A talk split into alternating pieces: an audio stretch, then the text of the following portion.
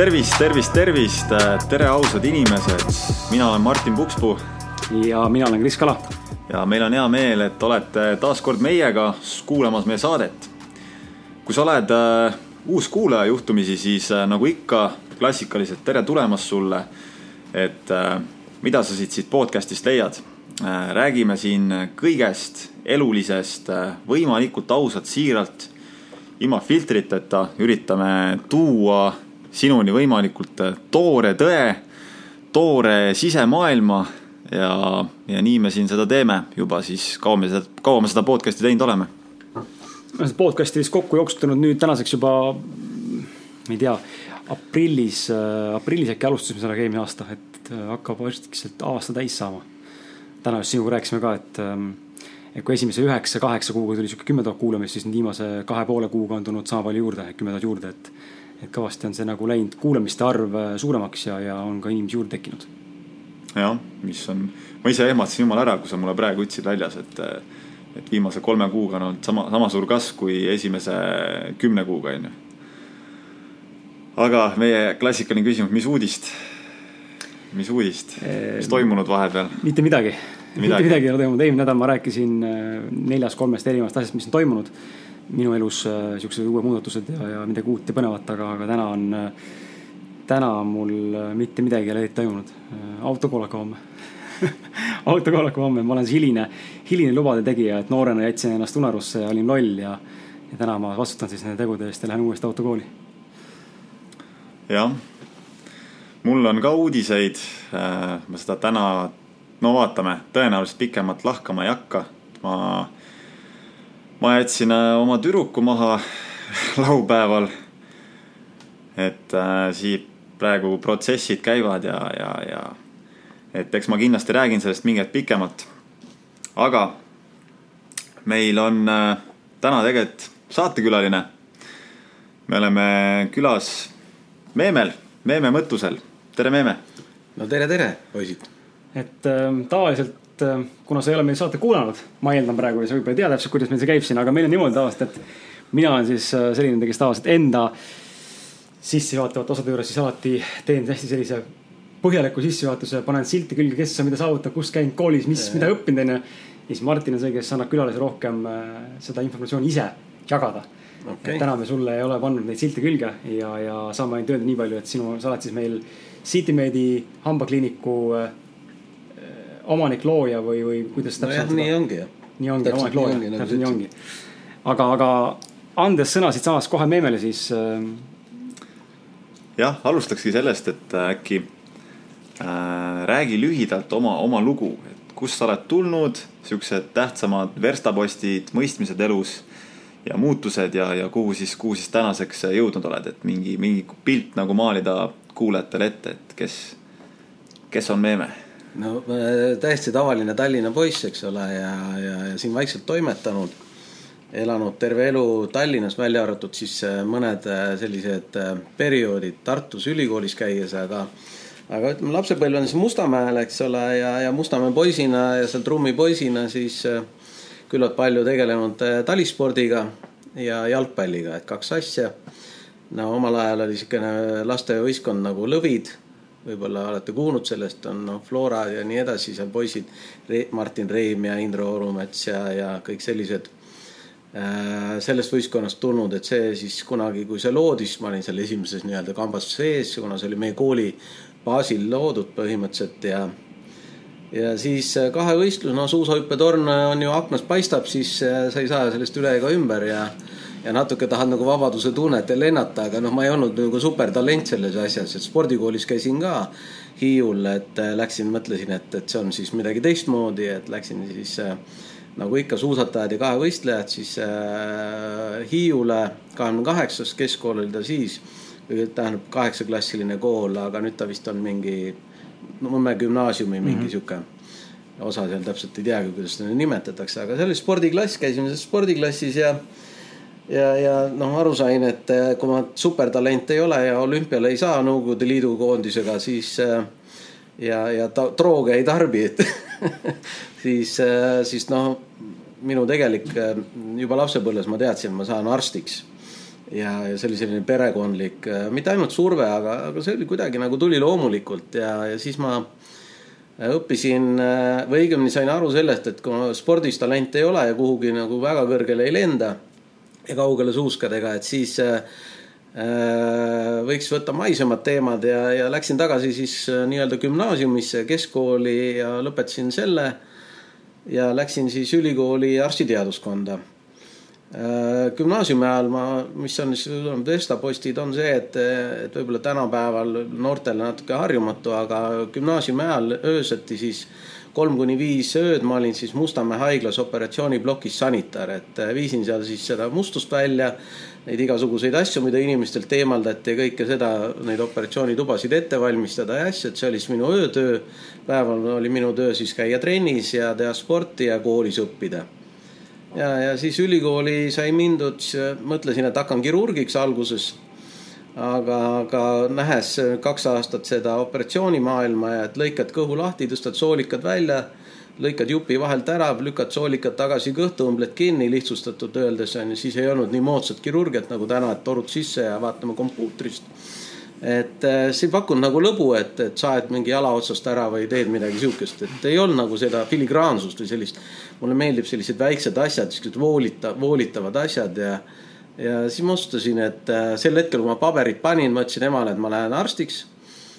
ja siis seal stendi ees seistes, siis ma otsustasin, et ma lähen hoopis hambaarstiks ja siis andsin paberid nagu hambaarstiks sisse, et ja, ja siiani väga nagu ei kahetse seda, et minu arust ma leidsingi selle kutsumuse, mis mulle nagu sobib ja ja siis sai see ülikool tehtud, noh, kuulaja hakkab juba väsima, eks ole, et siis pärast ülikooli natukene, ülikooli ajal ma asutasin juba ettevõtte.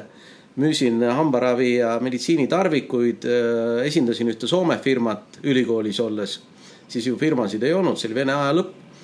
ja, ja siis ma need õigused müüsin soomlastele tagasi mõned aastad hiljem ja olin siis selle firma juhataja viis aastat, et see oli Oriola hambast väline et eh, ehk siis eh, ja siis eh, sealtkaudu ma sain juba niisugust vara ja, ja teadmisi oma kliiniku asutamiseks, asutasin kliiniku vanalinna koos ühe kolleegiga Peetriga ja, ja siis niimoodi algas see erakliinikute töö ja ja mingi aeg siis tegid ühe hambaravi, siis tegid teise, kolmanda, neljanda, kokku. Ma üks päev siin lugesin, et vist kuskil mingi natuke üle kümne kliiniku teinud ja müünud ja, ja lõpetanud ja ja siis vahepeal tekkis huvi, et arendaks ennast natuke, läksin Helsingi ülikooli magistriks, õppisin hambaraviteaduste magistriks, et tegin seda paar aastat, elasin Soomes, seal õppisin ja, ja harjutasin seal erinevates firmades ja siis tulin tagasi, siis oli jälle mõtlesin, et teeme hambaraviturismi, saaks Rootsist tulema patsiente, siis mõtlesin, et mis sõidavad siia, et teen Stockholmi kliiniku, tegin Stockholmi kliiniku käisin siis Stockholmis iga reede tegemas oma kliinikus tööd, seal oli kohe Kungskatanil seal kesklinnas, kes Stockholmi teab. et väga mõnus, reedeti sõidad siit hommikul välja, teed väikse kohvi seal Kungskatanil, seal üks nurga peal hea kohvik on ju. tegid seal natuke patsiente, istusid jälle rongi, sõitsid lennujaama, istusid lennukis, õhtuks olid kodus on ju. et väga mõnus töö, aga tead, seal pikalt ei viitsi nagu sõita edasi-tagasi, siis oli valik, et kas sa lähed Rootsi või oled Eestis, aga Eestis nagu meeldis rohkem, siin oli suurem kliinik ja hoog oli peal okei okay,, see, see siis lõppes ära mingi aeg ja, ja siis, ja siis on siin Eestis edasi arendatud erinevaid kliinikuid ja asju, nii et niimoodi vaikselt ma siin veeretan ja vahepeal siis ostsin Soomest ühe kliiniku ka ära ja tegin seal vahepeal tööd. aga, aga nagu ikka, sa ei jõua nagu kõike, eks ju mm -hmm., sa mhm. pead nagu elus fookust ka seadma veits, et aga noorena sul on nagu see, et just, et mis ja kus ja välismaa ja mitte ja rohkem kliendile lähemale, mugavamaks, kogu aeg püüad midagi paremaks teha aga samas nagu selline rahulolematu või selline innovatsioonihing, et nõuab kogu aeg midagi uut kogeda. ja, ja, ja mina nagu ei karda sellist äh, eksimusi või, või mingeid kaotuseid või tagasilööke elus. pigem ma vaatan, mis on sellest positiivset, mida ma saan õppida sellest on ju, mille, mis see mulle andis või arendas mind ja, ja, ja tänaseks ma olen siis tõmban nagu jälle nagu hoogu tagasi ja olengi näiteks täna sellises perioodis, kus ma panen nagu midagi täiesti uut jälle unikaalset kokku, et seda ma pikalt veel ei tahaks avalikustada, aga, aga tuleb jälle midagi väga huvitavat. nii et väga. selline väga lühidalt öeldes.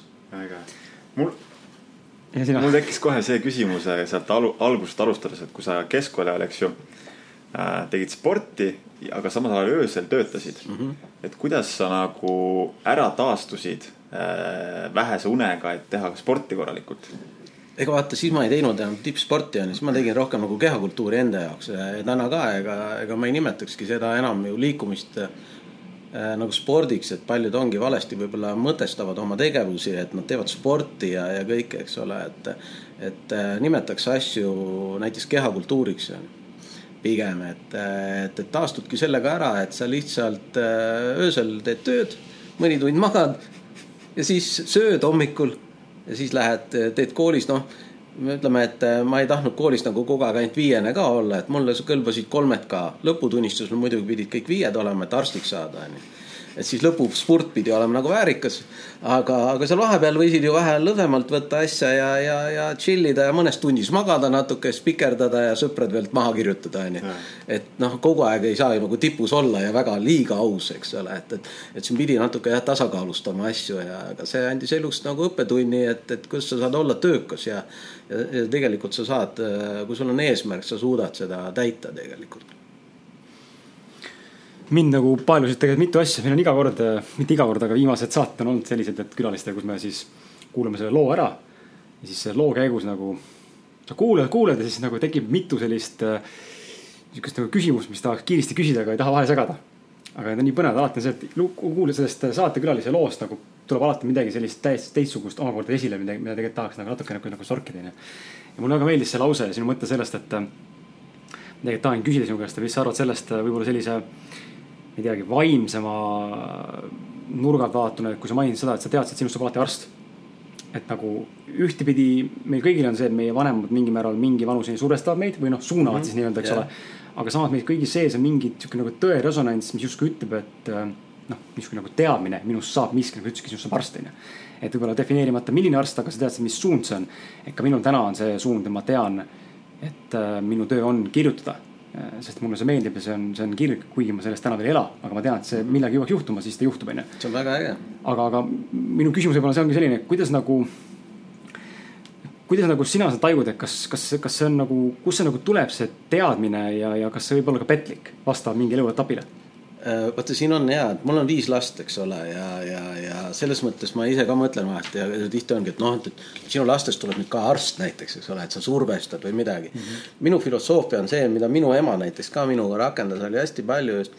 Jah, ta natuke nagu soovitas ja, ja vaatas, aga, aga see on mingi loomus, vaata inimesel on mingi loomus on ju, sa ei saa sellele vastu.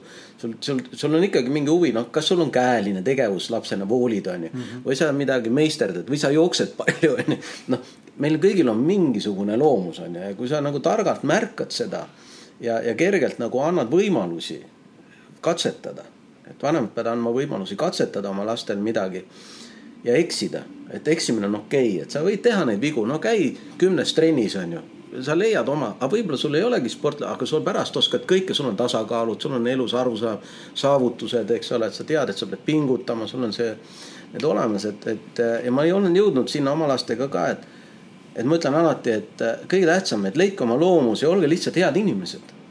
Ja ole see, kes sa oled, ükskõik mida su siin ümberringi kõik ütlevad, sa oled imelik või sul on riided koledad või sa oled selline või selline. see ei ole mingit tähtsust, see on valus, võib-olla mm -hmm. sa ei ole seltskonnas, sa ei ole mainstream'is. aga sa oled sina ja päeval X need inimesed võib-olla satuvad sinu juurde, paluvad tööd. onju või, või nad vaatavad alt üles ja mõtlevad sinu edu peale, onju. Mhm. aga sa pead oma loomusega minema rahulikult. ja tänapäevane maailm ju ei väärtusta enam raha nagu ainult kõige tähtsamana, eks ole, et mul tihti on, et mine õpi, ma ei tea, arstiks või siis oled jõle kuulus või, või saad palju raha või, või mine juristiks, siis sa oled nagu saad väga palju raha ja. et see on nagu mingi jama, onju. et, et pigem ole see, kes sa oled, tee midagi pulli, onju, tee inimkonnale midagi head ja sa saad vastu head et aga kui sa ei tee oma loomuse järgi, siis sa ikkagi päeval X oled kibestunud, sul on halb, onju. ehk, et ole flow's, ole kogu aeg loomuses ja, ja julge eksida mm. -hmm. et see on minu arust üks nagu oluliselt, mulle meeldib selline väljend, et on vaata, me ütleme inglise keeles human being mm. -hmm. aga mina ütlen human doing mm. -hmm. et ole parem tegija, tee midagi, kogu aeg loo et aga ära, ära oota, et keegi sulle kogu aeg midagi peab ette ütlema või midagi, et see on selline õpitud abitus on ju, et sa oled nagu abitu et meie koolisüsteem, vaata, toodab selliseid abituid inimesi, onju, et sa pead vastama täpselt nii ja kui sa nii ei vasta, siis sa saad kolme või kahe või ühe või hakkan kiusama sind, onju. Mhm. et ei väärtustata seda mitmekesisust, ei väärtustata seda inimese nagu, teda kui inimest, onju, et ta võib-olla ei ole matas kõva, onju, aga ta võib-olla on tohutult hea mingi geenius mingites teistes asjades, onju, mida sa õps ei näegi, onju. tegelikult potentsiaal üldse mujal, onju. just ja, ja minu puhul oli see ka muidugi suuresti, et mul oli ka vanaonu oli tuntud arst ja, ja selle Hiiu kliinikute rajaja ja asjad ja, ja, ja väga palju mu elus on olnudki selliseid nagu teatud juhtpersoone, nii, nii niisuguseid vene ajal juba niisuguseid direktoreid ja asju mm -hmm. ja kuidagi nagu elu on olnud selline, et mul on olnud võimalus olla see, kes ma olen koos oma vigadega et ma ei ütle, et ma olen olnud väga ideaalne laps või, või, või selline väga korralik, eks. olen olnud ikka paras pigem selle nagu natuke sinna pätipoisi moodi, kui, kui nagu liiga hea, eks ole, et aga, aga ma olen alati püüdnud teha kõike headusega, ma ei ole kellelegi halba soovinud. ei ole kellelegi ise kallale läinud, kakelnud, eks ole, ega midagi, ma olen kakelnud ainult siis, kui on olnud õigluse eest, on ju, et kedagi on kiusatud, mingi jama on, on ju, mhm. siis ma olen astunud vahele et, et ma ei karda nagu endast tugevamaga vastu seista, et, et seda on mulle küll õpetatud. ja, ja see on minu loomuses inimesi nagu aidata ja, ja kaitsta ja, ja, ja püüda neil avaldada seda potentsiaali, mis neil on. nii et äh, pikk vastus sinu küsimusele, aga, aga lühidalt äh, ole flow's, ole loomus, loomulik, ole see, kes sa oled. väga kõnetas, väga kõnetas tegelikult praegu see, see sõnapaar ja, ja mõtteväljend ole sina ise ja iseendaks, sellepärast et ma ise olen selle eest seisev ähm, nii kirjaniku kui persoonina juba aastaid-aastaid ja ma rõhutan alati, kui ma käin või kui mulle on antud võimalus käia siis noortele rääkimas, ma alati rõhutan olla sina ise. sest ma ise olen ka see, kes nagu noh, kole ja ülbe on öelda nagu, et mul on ühiskonnas pohhu, mida arvatakse. aga mitte lasta ennast nagu häirida sellest, mis ümberringi sinust arvatakse, on ühtepidi, ma arvan, väga suur trump elus, aga aga võib-olla sel samal teemal süvitsi veel ähm, kinni võttes, et kuidas siis võib-olla noore inimesena leida tasakaalu? et kui ma ühtaegu tean, näiteks toon näite, et äh, noh, noorel on X teekond, mis ta peaks tegema, tal on potentsiaal seda teha, seda väga hästi teha tegelikult ja ta on ka avastanud selle, et oskab seda teha. et nüüd on aeg panus sinna panna, onju, ja nüüd kütta kümme aastat ja siis nii või kümme tuhat tundi, nagu öeldakse, siis jõuad mingisuguse oma, oma tasemeni, onju. Aga, aga kuidas nagu leida tasakaalu selles hetkes just nendes noorte eas nagu meiegi, kus on kakskümmend, kus sa oled iseseisev elu peal. on vaja teha midagi, mis sulle tegelikult võib-olla ei meeldi, näiteks palgatöö. ja see teine asi on unaruses kuidas leida see tasakaal niimoodi, et sa ikkagi panustad? mulle tundub, et äh, siin on see, et mitu asja, esiteks on äh, see, et meie ühiskonna mudel on natuke vale, on ju. et meil ei ole enam nagu pereühiskonda, et meil ei ole sellist, et meie esivanemad toetavad meid näiteks mm, -hmm. eks ole, et või, või kuidagi see just, et sa mainisid, sa läksid tüdrukust lahku, eks ole, et, et nagu eratakse nagu eraldi, eks ole, vanemad on nagu eraldi, sina oled nagu eraldi, see on eraldi, kõik on nagu eraldi. aga tegelikult ju mm, inimene on selline sotsiaalne olevus, et tal on vaja mingit nagu sellist oma keskkonda, oma inimesi ümber, eks ole, on ka täiesti erakuid inimesi ja see on okei okay. aga, aga reeglina me ikkagi, mulle tundub, vajame mingit sellist perekondlikku tuge ja, ja, ja mõistmist ja vanasti ju olid ka, eks ole, kunstnikel ja, ja kirjanikel ja kellel iganes olid ju protežeed, et keegi, kes sul maksis, eks mm, -hmm. keegi tellis sult seda, aitas seda, eks ole, sa nägid, et noh, tal ei ole, aga see on midagi ikka natukene. ja, ja mulle tundub, et vaata, kas ei ole nii, et äh, et elus praegult on põhilised probleemid, mis inimesel on ju kaks asja, et ühelt poolt me tahame, meil on kogu aeg mingid tahtmised ja teiselt poolt me mõtleme. onju, et kui me nagu kogu aeg tahame midagi, siis meil ei olegi rahulolu onju. Mhm. ja teiselt poolt me kogu aeg nagu mõtleme, kütame oma aju üle sellega, et me kogu aeg nagu peame midagi mõtestama, midagi nagu mõtlema, oh siis on, juhtub see, see, see on täiesti mõttetu teema, mõtlemine on kõige mõttetum asi ja mõtlema peab või kuidagi see, see, see minu jaoks on kuidagi selline asi, et vaata, kui su keha ja sisemine, ütleme selline südamehääl või südametunne, hingetunne on nagu see ja ühel hetkel su mõistusest olev mingi, mingi vibratsioon või energia või mingi teadmine sünkroniseerub selle südametundega kuidagi, see on õige, see on nagu see vau on ju, see on see vup, oh, see kõnetab mind on ju. ehk sul on see tasakaal, sul on nagu mõistuse ja südame tasakaal ja siis sa rohkem ei pingutagi, vaid sa, sul tuli see mõte, see käis kuidagi. sa võib-olla ei märkanudki seda tihtipeale, kui sa ei ole nagu flow's on ju mm -hmm., sa ei märganud, aga sul tekkis see ja sa saavutad selle. Sa saavutad selle, näiteks ma toon lihtsa näite, võib-olla ma ei tea, kuidas see teiega nüüd klapib, aga ütleme, tul tekkis mingi mõte on ju, hakkas podcast'i pidama. ja täna jumala chill, sa oled jumala happy, et sa teed podcast'i onju. aga sul tekkis mingi siukene hea feeling onju ja sul tukkisid mingid ressursid ja sul hakkas arenema mingid kontaktid, mingid, üks asi viib teiseni onju. see läks nagu pauk läks lahti onju, nii et põmmaki onju. huh, nii, see on tehtud mul on tihti elus olnud nii, et ma teen mingit kliinikut, räägin, eks ole, seal kas abikaasaga või kellegiga seal, eks ole. sõbraga, no tahaks sihukest asja teha, onju, kõik ütlevad, kuule, sul on ju kõik jumala chill onju, mis sa rabeled väidaks. aga ma mul on sihuke tunne, et ma tahan muuta onju midagi, kõik võiks jääda ju nii nagu on. ja, aga mul ei olnud sellel hetkel selle jaoks ressurssi mm. -hmm. ei ole raha näiteks. aga mõtlen, see oleks ju päris chill asi teha, noh midagi pulli onju, teistsugust täiesti onju ja poole aasta, aasta pärast mul on see olemas. aga ma ei teinud midagi selleks, et seda saavutada. lihtsalt see tuleb ise, tuleb ise. mingi auto ellu näiteks, ahah ma tahaks onju, ma üldse ei tõmble mingi auto pärast näiteks. keegi ütleb, et oh, see on kihvt auto, ma vaatan, oh, on jah. ja kuidagi täiesti arusaamatul moel aasta-kahe-kolme pärast see auto on mul olemas onju. kuigi see ei ole nagu eesmärk seda autot saada, ma ei taha seda üldse aga see lihtsalt kuidagi nagu satub, kas ta satub mulle mingi müügiportaalis või, või, või kuidagi vanasti ma ostsin lihtsalt poest autosid, onju. täna ma vaatan, onju, auto ei ole nagu teema, ma pigem sõidan taksoga näiteks, onju, see ei ole enam minu jaoks noh, asi, mille pärast üldse elada või pingutada, et, et saada seda autot mm. -hmm. see, kui sa oled selles flow's, sul on südame ja mõistuse hääl on nagu sünkroonis või kuidagi, siis need asjad juhtuvad su elus, tulevad, need ressursid tulevad, need rahad tulevad. Need võimalused lähevad lahti, aga võib-olla oli vale aeg lihtsalt. et üks asi ongi see, et sa tahad kirjanikuna teha midagi, eks ole, no näiteks, eks ole, või oled sa muusik või sa tahad seda. peabki olema kannatust, võib-olla sa kõnnid lihtsalt teist rada momendil on ju, sa pead korraks sellelt rajalt välja istuma, astuma mitte minema, ütleme palgatööle, et noh, ma lähen kassiiriks ja mu elu on nagu jama, vaid sa astud korraks sellest ideest välja.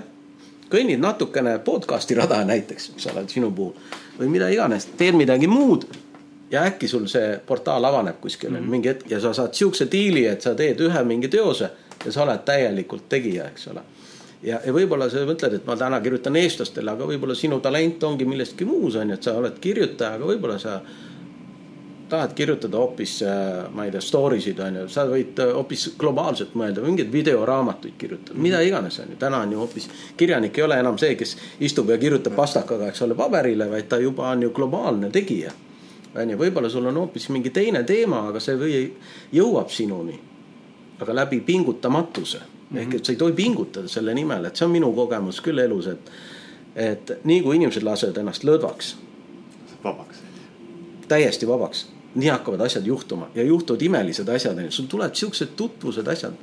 nii et pigem nagu mitte tahta, ehk see ongi see, me tahame kogu aeg midagi, me vajame midagi ja teiseks me mõtleme liiga palju kui need kaks asja kontrolli alla saada, et ma vabastan, mitte ei tähenda, et ma ei taha üldse, vaid seda nimetatakse taotluseks mm. -hmm. aga taotlus tähendabki minu jaoks seda, et ma mõtlesin selle mõtte ära, mul oli see tunne ära. jah, sinna ma võiks umbes minna, aga ma ei sea täpset eesmärki, vaid midagi seal on ju, see punkt seal kohas, vot see mind huvitab. ja siis ma hakkan minema, on ju, ja universum, maailm kontaktid, asjad kuidagi iseenesest võimaldavad selle sinna saavut-, mineku. aga võib-olla see oli vale asi, onju. aga see on tihti vale siis, kui ma nagu tahan seda, et ma pean seda saavutama, pingutan selle nimel. Need kõik asjad on lõppenud minu elus väga halvasti. ma olen kaotanud väga palju rahasid, ma ei hakka nimetama, väga palju. inimsuhteid, asju, ma olen teinud väga palju valesti aga sel hetkel mulle tundub, et ma teen õiget asja, ma töötan selle nimel, ma panen eesmärke, sean endale plaane, onju, teen tuh-tuh-tuh täna mul ei ole, näed, te istute minu kontoris, kas te näete siin mingit kontorit? ei ole, me istume siin selle kolme tugitooli otsas ja, ja väike lauak on meie ees ja kõik on, see ongi minu kontor, tere poisid, onju. et siin ei ole mingeid uhkeid äh, printereid ega mingeid mm, ma ei tea, mingeid failisüsteeme ega asju, see kõik on siin ja selles ühes väikses arvutis ja that's it, onju. elu on tegelikult väga lihtne, et, et sul ei vaja midagi ja kõik, mis sa vajad, selle sa saad millalgi, onju. ja see, mis sul tuleb suure tööga, selle kaotad niikuinii täiega resoneeruvad, täiega resoneeruvad kõik mõtted, et äh, mul kohe, kohe nagu lõi, lõi pirni põlema, on ju, esiteks meie see podcast on ju, kuidas see alguse sai, et minul oli see omaette eesmärk, panin omale soovi tahvlile, et võiks podcast'i mm -hmm. teha, tahaks teha, oleks äge asi, on ju, samamoodi kui see pull asi. Ja Krisil oli vist samamoodi peas keeranud, et tahaks oma mõtteid väljendada ja, ja siis saime kokku ja lihtsalt hakkasime tegema ja nüüd oleme juba palju, neljakümne seitsmes saade või? täna nelikümmend seitse jah. jah. ja, ja samamoodi nüüd, kui ma, ma isegi imestan, et ma ennast nii hästi juba tunnen, kuigi ma alles jätsin oma tüdruku maha, eks ju, aga mis minuga kohe resoneerus, on tegelikult see, et terve see aasta ja kolm kuud, mis me olime koos, siis äh, meil oli tegelikult väga palju väljakutseid ja probleeme, see oligi nagu pidev sihuke töö kogu aeg, pidev pingutus, pidev sihuke võitlus nagu südame ja mõistuse vahel, et ei olnud seda sünkroonsust, nagu sa rääkisid. ja lõpuks saigi ikkagi see, see saatuslikuks, et see, see miski, mingi hääl sees ikkagist ei andnud mulle rahu. miski ei lasknud voolata sellele edasi, et vahet pole, kui palju ma tegin tööd selle suhte nimel aga miski ei lasknud sellel nagu edasi voolata. sul, sul on õigus, vaata, ma, ma olen kogenud elus seda, ma olen käinud nende suhteterapeutide juures ja mul on nüüd teine äh, abikaasa, ma olen äh, ükskord lahutatud, onju. ja, ja see, millest sa räägid, on mulle ka tuttav teema ja, ja ma olen käinud nendel äh, paarisuhteteraapiatel, iga psühholoogide juures, kõike üritanud päästa aastaid, viis aastat enne, eks ole. käisime, tegime mingeid asju. aga kui sellest puudub see nagu see siirus või see, see on nagu, sa võid õppida tehnikaid sa võid rääkida, vaadata seal, teha selle psühholoogi seal silmast silma seal igasuguseid asju. aga kui sellest puudub, vot nagu see on see mõistuse ja südame nagu sünkroonsus ja asjad, et see tuleb nagu mõistusega, sa saad aru ja sa püüad. aga midagi ei ole nagu ikka see, siis tegelikult ikkagi lõpeb ära. ja, ja, ja nii ongi, et praegu mul näiteks äh, uus abikaasa juba viis aastat, eks ole, elame koos ja mul ei ole neid teemasid, mis mul enne olid mm. -hmm ja need inimesed, kes tundsid mind minu esimese kaasa ajal, need ei tunne mind täna ära, sest nad ei saa aru. Nad teavad samat inimest, kõik on sama, aga teemad on teised, on ju, ma mhm. ei tarbi alkoholi, vovuh, issand, üle kümne aasta, eks ole, viisteist aastat. no natukene nüüd olen vahest võtnud klaasi veini on ju kuskil, ma ei tea, mõned korrad aastas, ütleme, et võib-olla aastas kokku äkki pudel veini, kaks on ju. noh, ei ole enam, ei ole teemasid, ei ole nagu mingit siuksed, siuksed asjad kaovad ära, kui sa leiad selle õige, onju, sa ei pea võitlema oma suhte nimel, onju. sa ei pea mm. -hmm. selle, see, see õige tunne nagu on olemas mm. -hmm. ja, ja, ja see, kui see on nagu sünkroonis kuidagi, nagu sa ise ütlesid mm, -hmm. sünkroonsus puudub, onju. et kui seda sünkroonsust ei ole, siis ei ole mõtet võidelda, see lõpeb anyway ära, onju, et, et see on kogemus yeah.. selle, selle üle, selle üle võib olla tänulik. ja siin ongi, et kui minna lahku, et siis on tihti ongi see, et mida mina olen õppinud ka nendel koolitustel ja asjadel, et äh, tihti, kui minnakse lahku, siis äh, keegi on nagu solvunud või keegi on pahane ja, ja, ja eriti kui sa lähed nagu, leiad kohe kellegi teise, on ju, siis hakatakse midagi seal, mingit teemat, et näe, jättis see või see või see, on ju. seal hakatakse mingit jama ajama.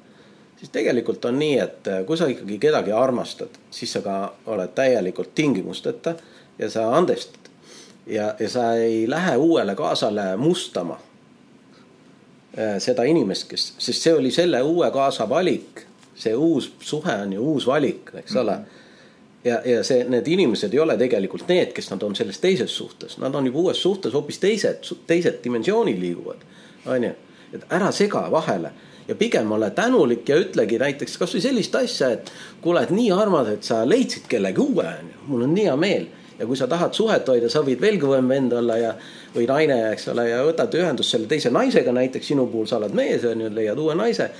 siis äh, ütled, et mul on hea meel, et anda üle, on ju, sulle. sihuke mees on ju, see on nii äge vend.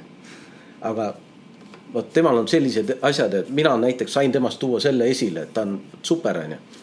et pigem positiivselt aga tihti on nii, et üritatakse siis saata sõnumeid või hakata mm -hmm. seda uut mhm. naist šantažeerima kuidagi või ja. uut meest šantažeerima. sõpradele jagama mingeid lolle, mingeid idiootseid, mingeid sõnumeid saatma, mingeid hakatakse nagu selja taga kaevama, onju. aga tegelikult kaevatakse ju iseennast sest siin kestib selline kümme, kümme, kümme reegel, ma kunagi olen kuulnud, et vaata see kümme tundi, kümme päeva on nagu hästi valus on ju, kõik see on nagu see teemad aga kümne kuu pärast on juba hoopis teine ja kümne aasta pärast sa näed hoopis pilti täielikult teistmoodi mm -hmm.. vot siis on see, et sa saad aru, kas see oli õige otsus või vale otsus on ju. ja tihti on see õige otsus, mis sa tegid oma nagu sisetunde järgi on ju. see on õige, et oma sisemust kuultab, tasub kuulata ja, ja ükskõik kui raske see on. aga see on vajalik on ju, see on mm -hmm. kogemus ja ollagi lihtsalt tänulik kõikidele kogemustele, okei okay,, chill, ma olen nõus sellega, mis mul oli, on ju ja, ja pigem meenutage head üksteisest alati. see on minu tunne nagu või mõte on ju, mis ma olen nüüd ise läbi elanud. jah, ei see on väga, ma olen nii tänulik, et sa praegu seda noh, jälle õigel ajal õige kokkusattumine on ju, et, et sa räägid just seda praegu, sest et jah, resoneerub täielikult ja alati on, kõigil on raske mm, -hmm. see ei mhm. ole ju kellelegi meeldiv tegevus mm, -hmm. eks ole, et, et, et see, kes maha jätab või keda maha jäetakse. vahet ei ole, või on see mõlemat pidi, on ju, aga alati see on ikkagi mingi hingeline dimensioon seal, seal on mingid tükid ja. on seotud, on ju. nagu energeetiline side. jah, et sa tõmbad tšõpp laiali, on ju, see on juba mingi tühjus, noh, tekib mingi tühimiku tunne, on ju. Mhm. see on valus alati või, või ebamugav, on ju. Mhm. kui sa ei ole just täielikult ma ei tea, ära leenanud, eks ole, kuhugi dimensioonidesse ja, ja, ja, ja siin ütled, et ma olen täielik tantrist ja mind nagu üldse ma ei, mul ei ole mitte mingisuguseid tundeid, on ju, näiteks on ju. et see on nagu ka natuke veits jama, et mm -hmm. meil ikkagi mingid tunded alati on, mõtted. võiks äh, teema juhtida natuke äritegevuse peale ja mis, mis just nagu pakub huvi mulle on see, et et äh, kuidas nagu leida ära tunda neid usaldusväärseid inimesi, kellega koos siis mingit ettevõtlust, äri teha ja mis nagu, mis on nagu sinu, sinu tähtsamad õppetunnid sellest, et?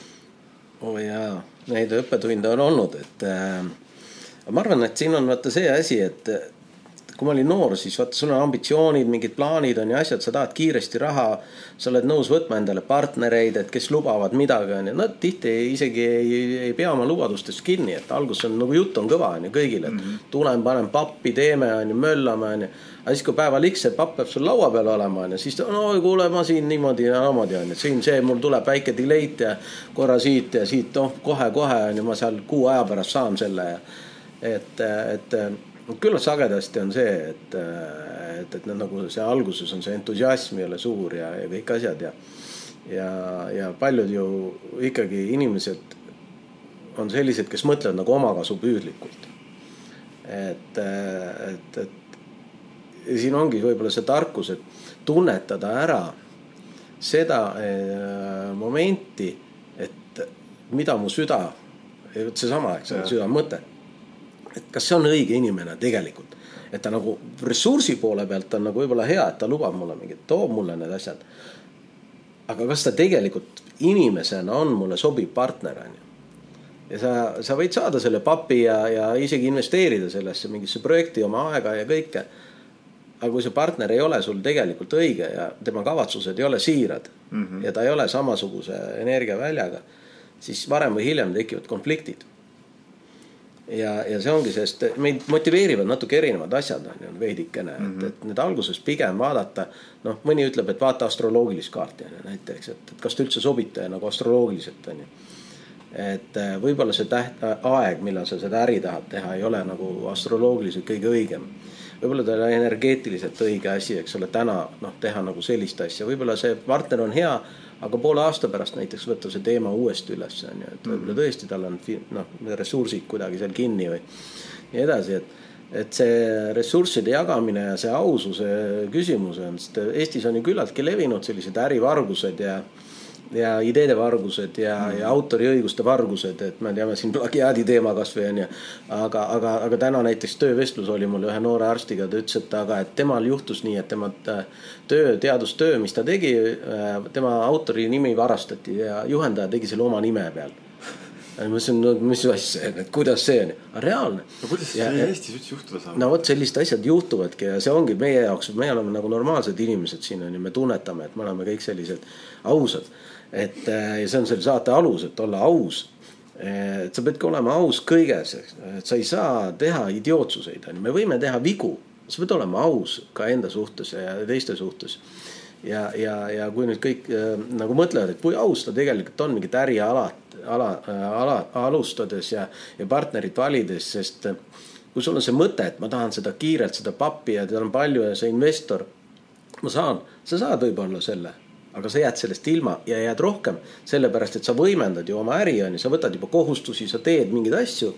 aga kui sa ei ole õigetel alustel ja sa kaotad selle, vot siis on palju valusam, sa kaotad palju rohkem raha, kui sa sinna sisse panid palju-palju rohkem, onju. mul on üks äh, firma varastatud ära, onju, et äh, niimoodi, et ma ise ei olnud enam teatud aeg juhatuses, ma tulin ka nõukogust ära, usaldasin nõukogu inimesi, juhatajat ja, ja töötasin seal firmas lihtsalt on ju, pool oli minu oma, pool oli ühe teise venna oma ja.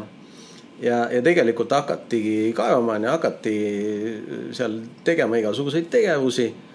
ja, ja pärast sündis üks teine firma äh, niimoodi, et kõikidele patsientidele saadeti lihtsalt kiri.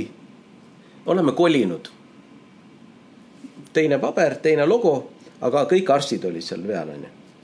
kõik sekretärid kogu asi umbes aasta aega käis protsess, kanditi patsiente, asju, infot on ju, kõik varastati ära.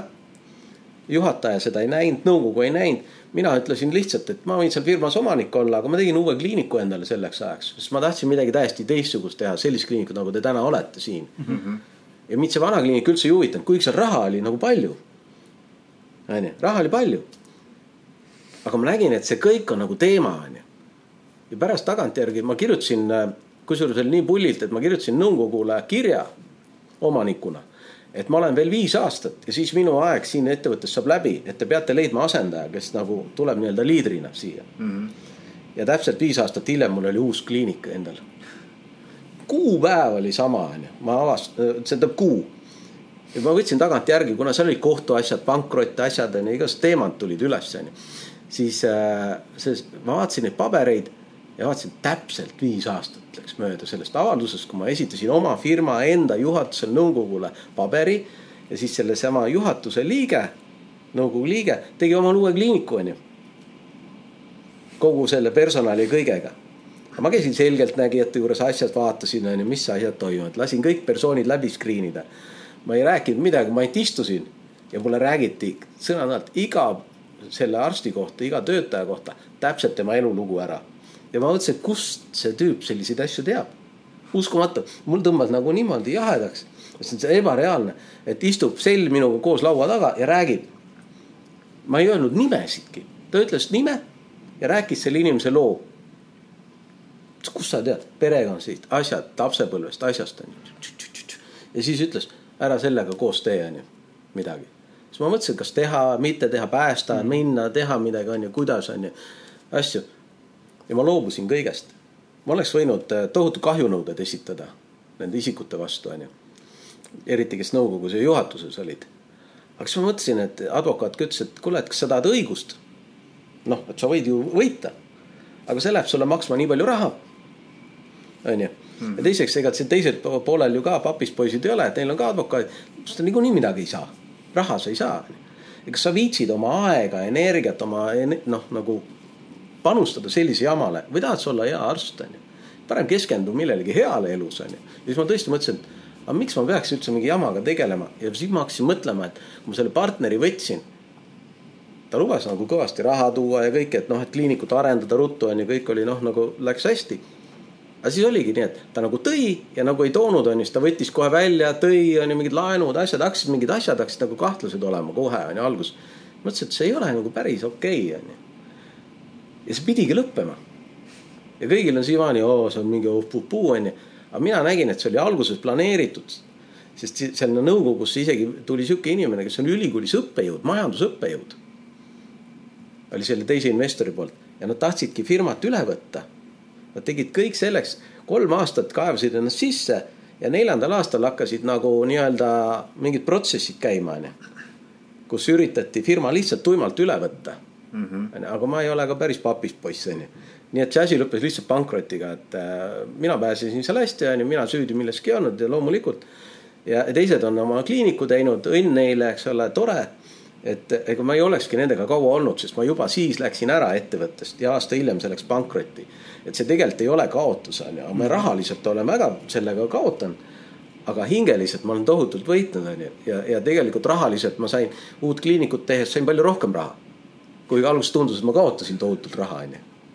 maailm lõppes, aga tegelikult ma olen palju rohkem võitnud. ja ma olen inimesena palju võitnud. et, et äh, siin ongi see, et, et võib-olla see investori ja uue äri alustamiseks ongi, et kas meil tasub ikka igat pakkumist vastu võtta, onju. ja eriti noorena, vaata, see ongi see, et sa küsisid ka enne noorena siin, küsisid, et noh, et sa pead hakkama saama ja kuidagi iseseisvalt ja kõik onju noortel ongi raske, sest sul on vaja maja või noh, kodu, eks ole, sul on vaja sisustada see.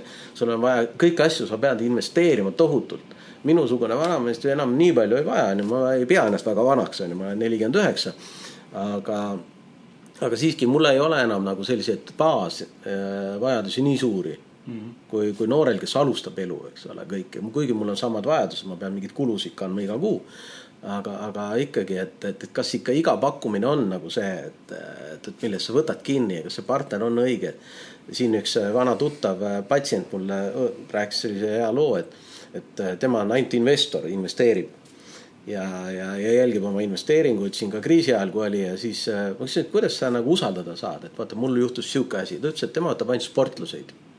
ma ütlesin, miks sportlaseid? Ükskõik mis tasemel, et ta on teinud sporti, regulaarselt võistlustel käinud või midagi. miks, sellepärast et sportlased, üks on, nad on nõus pingutama eesmärgi nimel.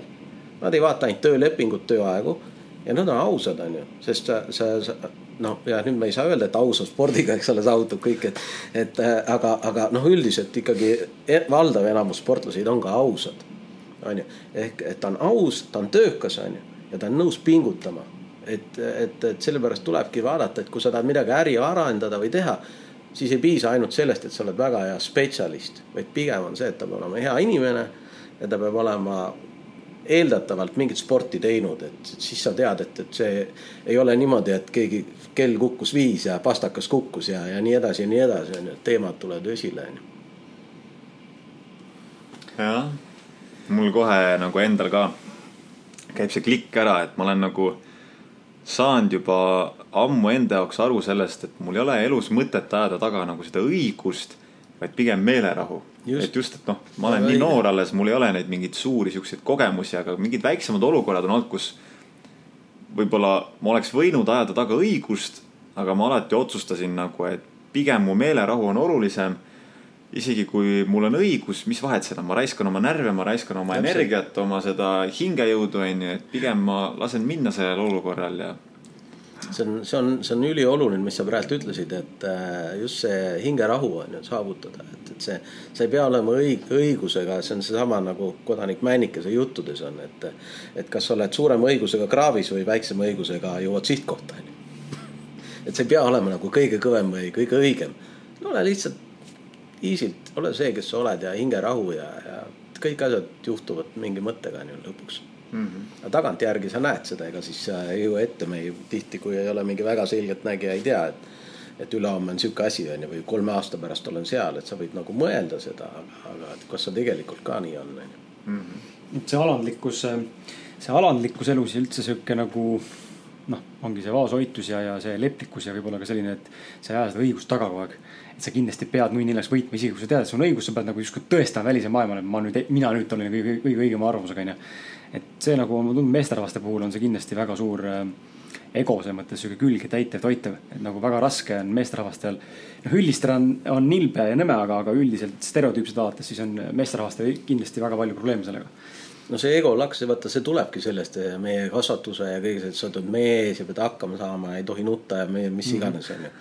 et siuksed jamad, et aga tegelikult ju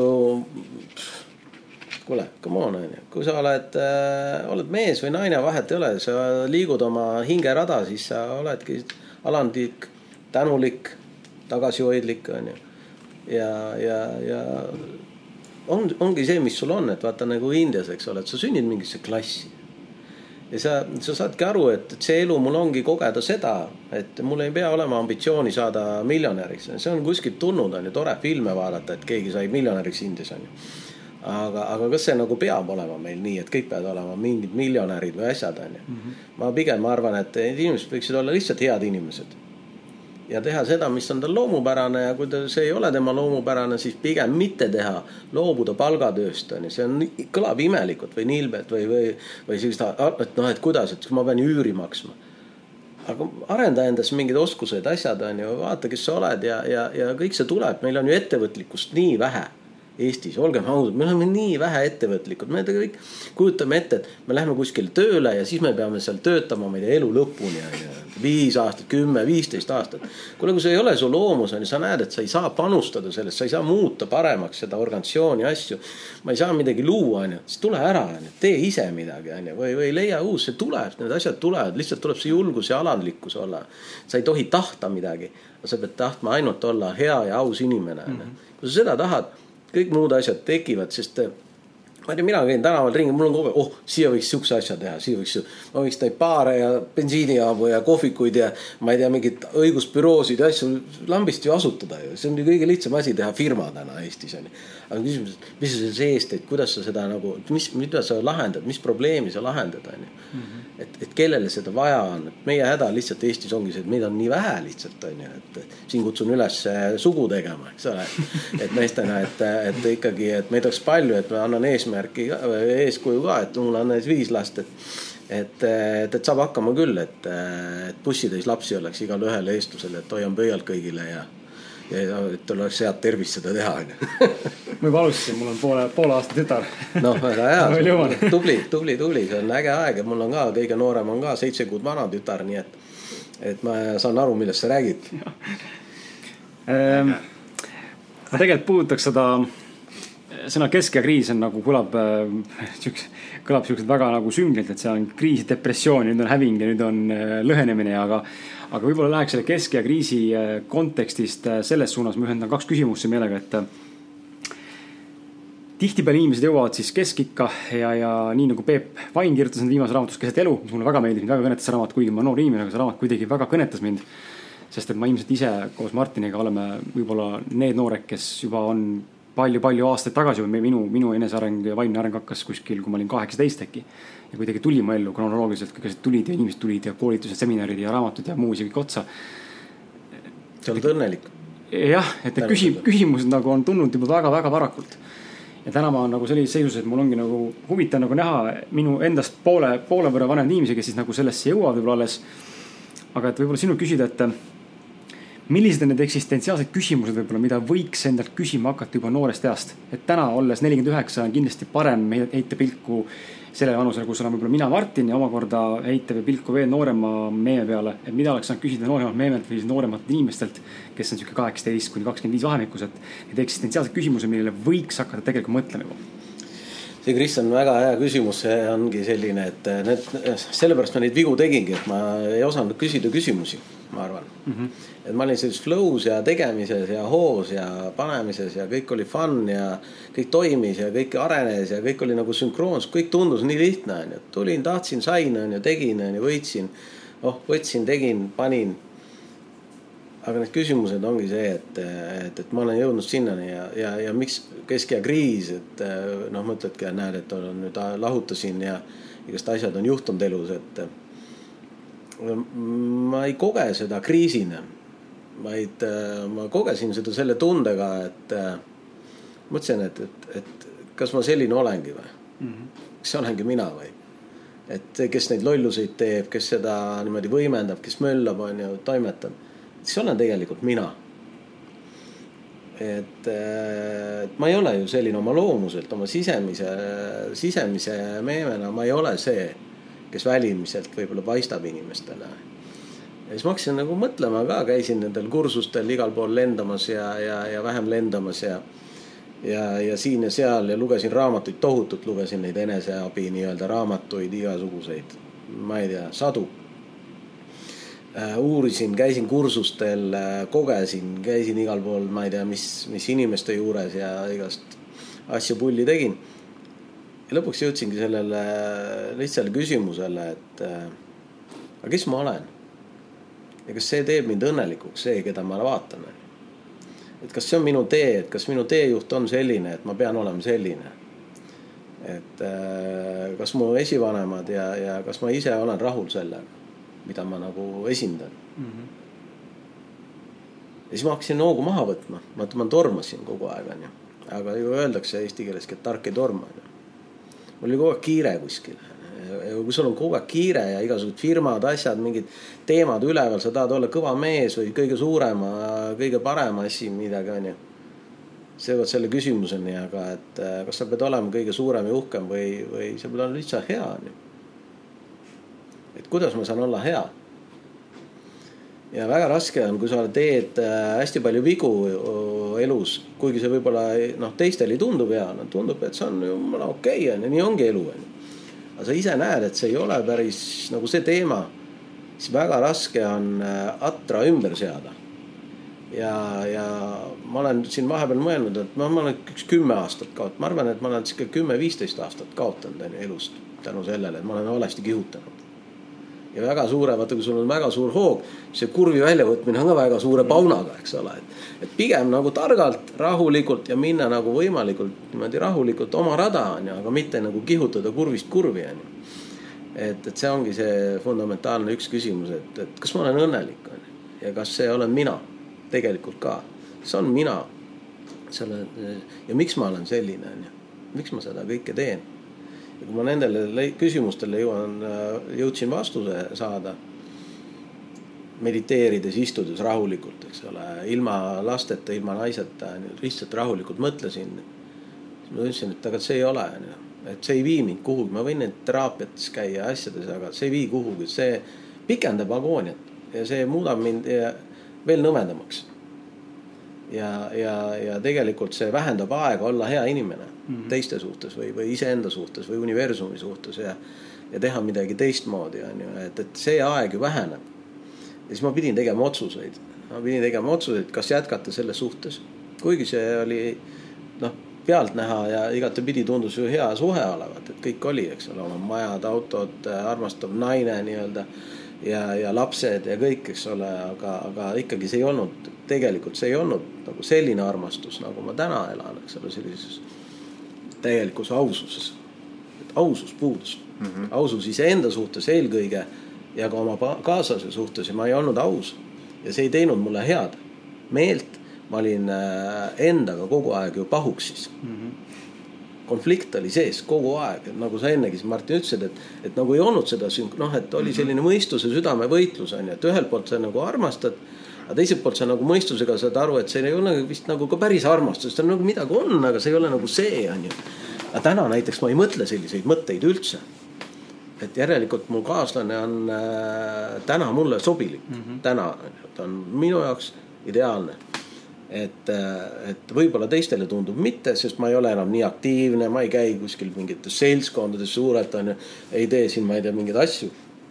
ma olen nagu very slow, very slow aga, aga ma pigem lähen sügavamalt ja, ja nagu täpsemalt või, või püüan olla mõttega, et, et, et kas see on mulle hea ja kas see on teistele hea.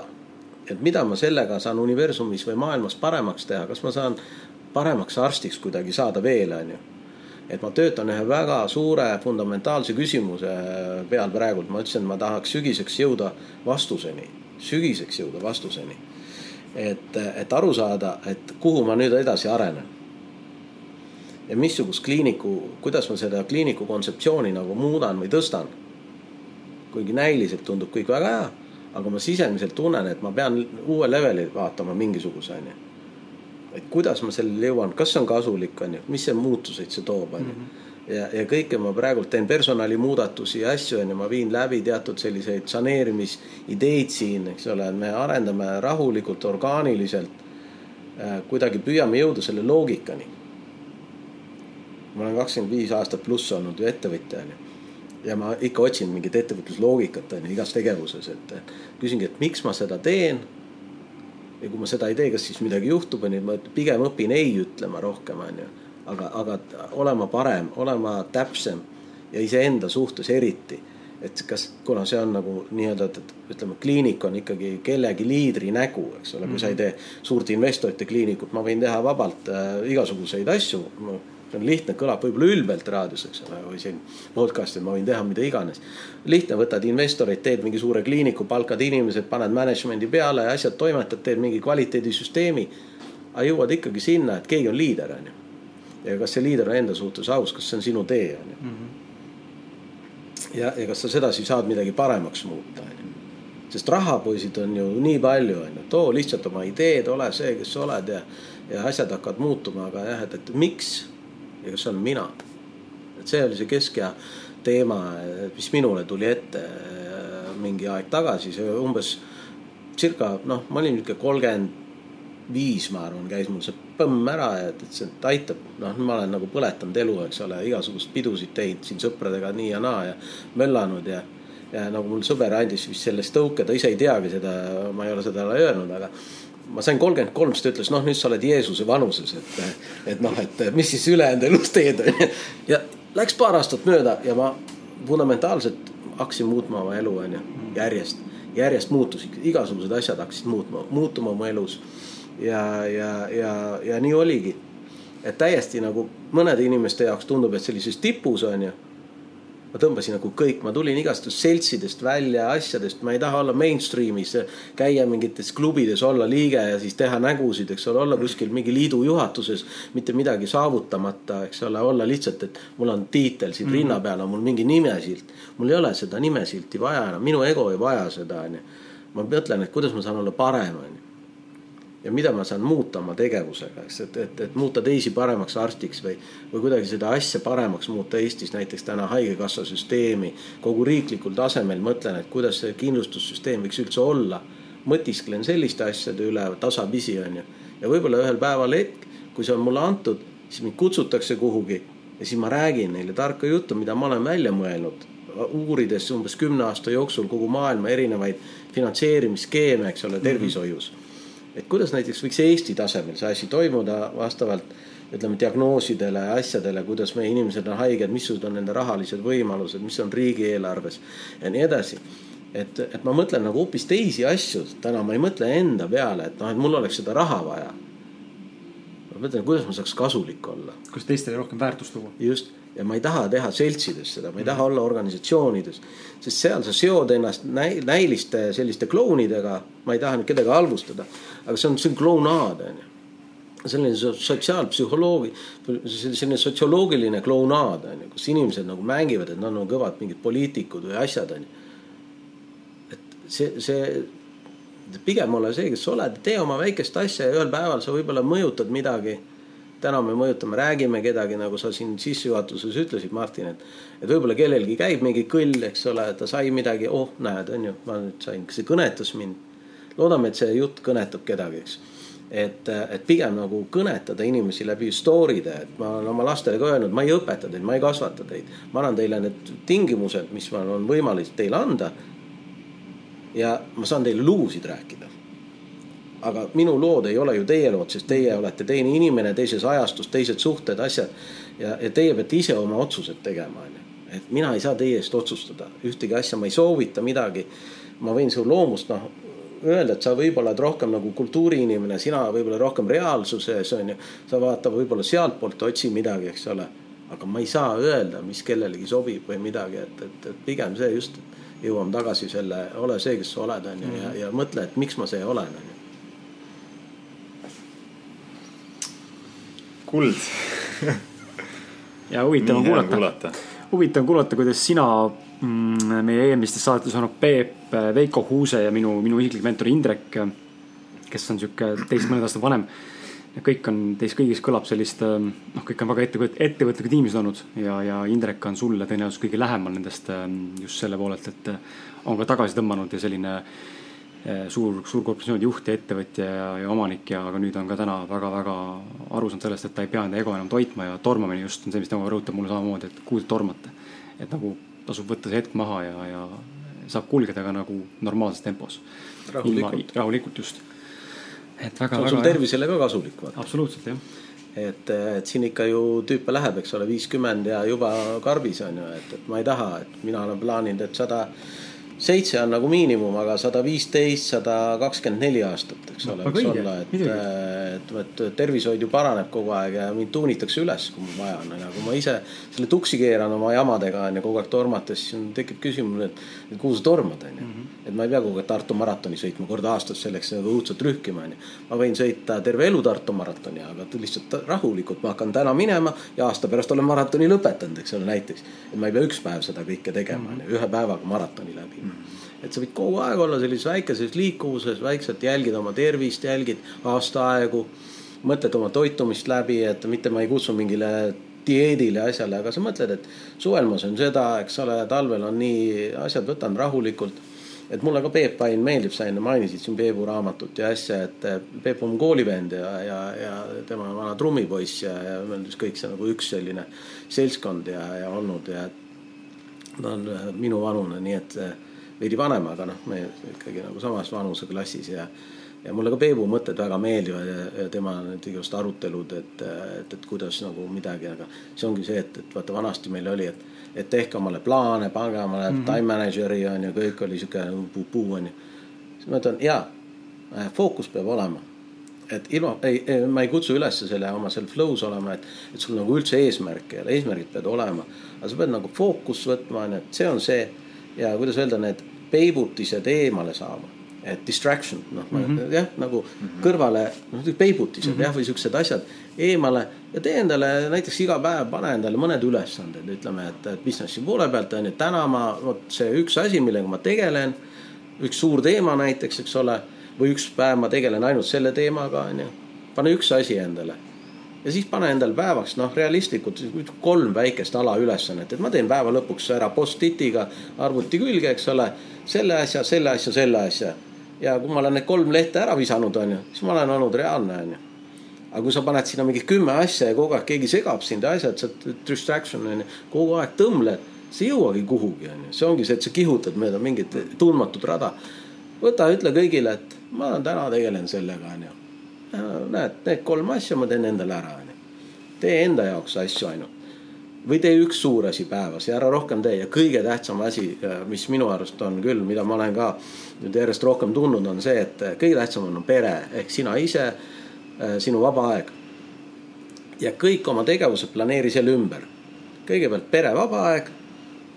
see on prioriteet üks ja siis sa vaatad oma äri vaatad, ma teen täpselt nii palju äri, kui mul on seal, noh, kui mul siin on võimalused, ma selle järgi teen oma need äriplaanid mm, -hmm. oma töögraafiku, oma plaanid, eks ole, käin tööl küll mingid, ütleme, tööajad. aga, aga ma planeerin kõigepealt puhkuse, vaba aja ja siis planeerin sinna sisse oma tööd. mitte vastupidi, et tööle hakkan planeerima, et siis ma lähen puhkama või, või siis ma teen seda, ei. sa teed kõigepealt oma, ütled, et sellel kellaajal ma puhkan. sellel kellaajal ma teen tööd ja sa oledki fookusega tööl. noh, minu tehnika on lihtne, et kui ma lähen kodust ära, ma ütlen head aega on ju kodu, varsti jälle näeme. noh, alateadvuslikult juba enam ma ei, ei rääginud nagu mingi hull on ju. aga, aga ma jõuan tööle, ma ütlesin ahah, nagu et tere, see vot see koht on ju, kliinik siin, et nüüd ma tahan olla hea arst on ju täna. ma teen oma arstitööd, ma olen fookusin siin on ju. ja nii kui ma siit ära lähen no way on ju, ma, ma ei mõtle mingeid meditsiiniteemasid, vahest vaatan midagi, vahest vaatan, oleneb, kuidas mu vaba aeg on. ja siis ma lähen keskendun oma vabale ajale, oma perele, tegelen sellega on ju, sest ma ei ole enam arst ju. siis ma olen mees, ma olen isa, eks ole, mul on teised rollid mm -hmm. ja ma ei kanna seda kaasa, sa pead kogu aeg vabastama ennast mingitest rollidest ja olema see, kes sa sellel hetkel oled, on ju, sõpradega oled sõber, naisega oled mees, on ju. ja, ja lastega oled sa isa kogu aeg on erinevad rollid, aga planeeri kõigepealt ikkagi endale puhkust, puhkust, puhkust. ja siis sinna juurde pane natuke tööd ka, onju. kõlab võib-olla ebatraditsiooniliselt eestlaste jaoks, aga, aga, aga siiski edu algab puhkusest.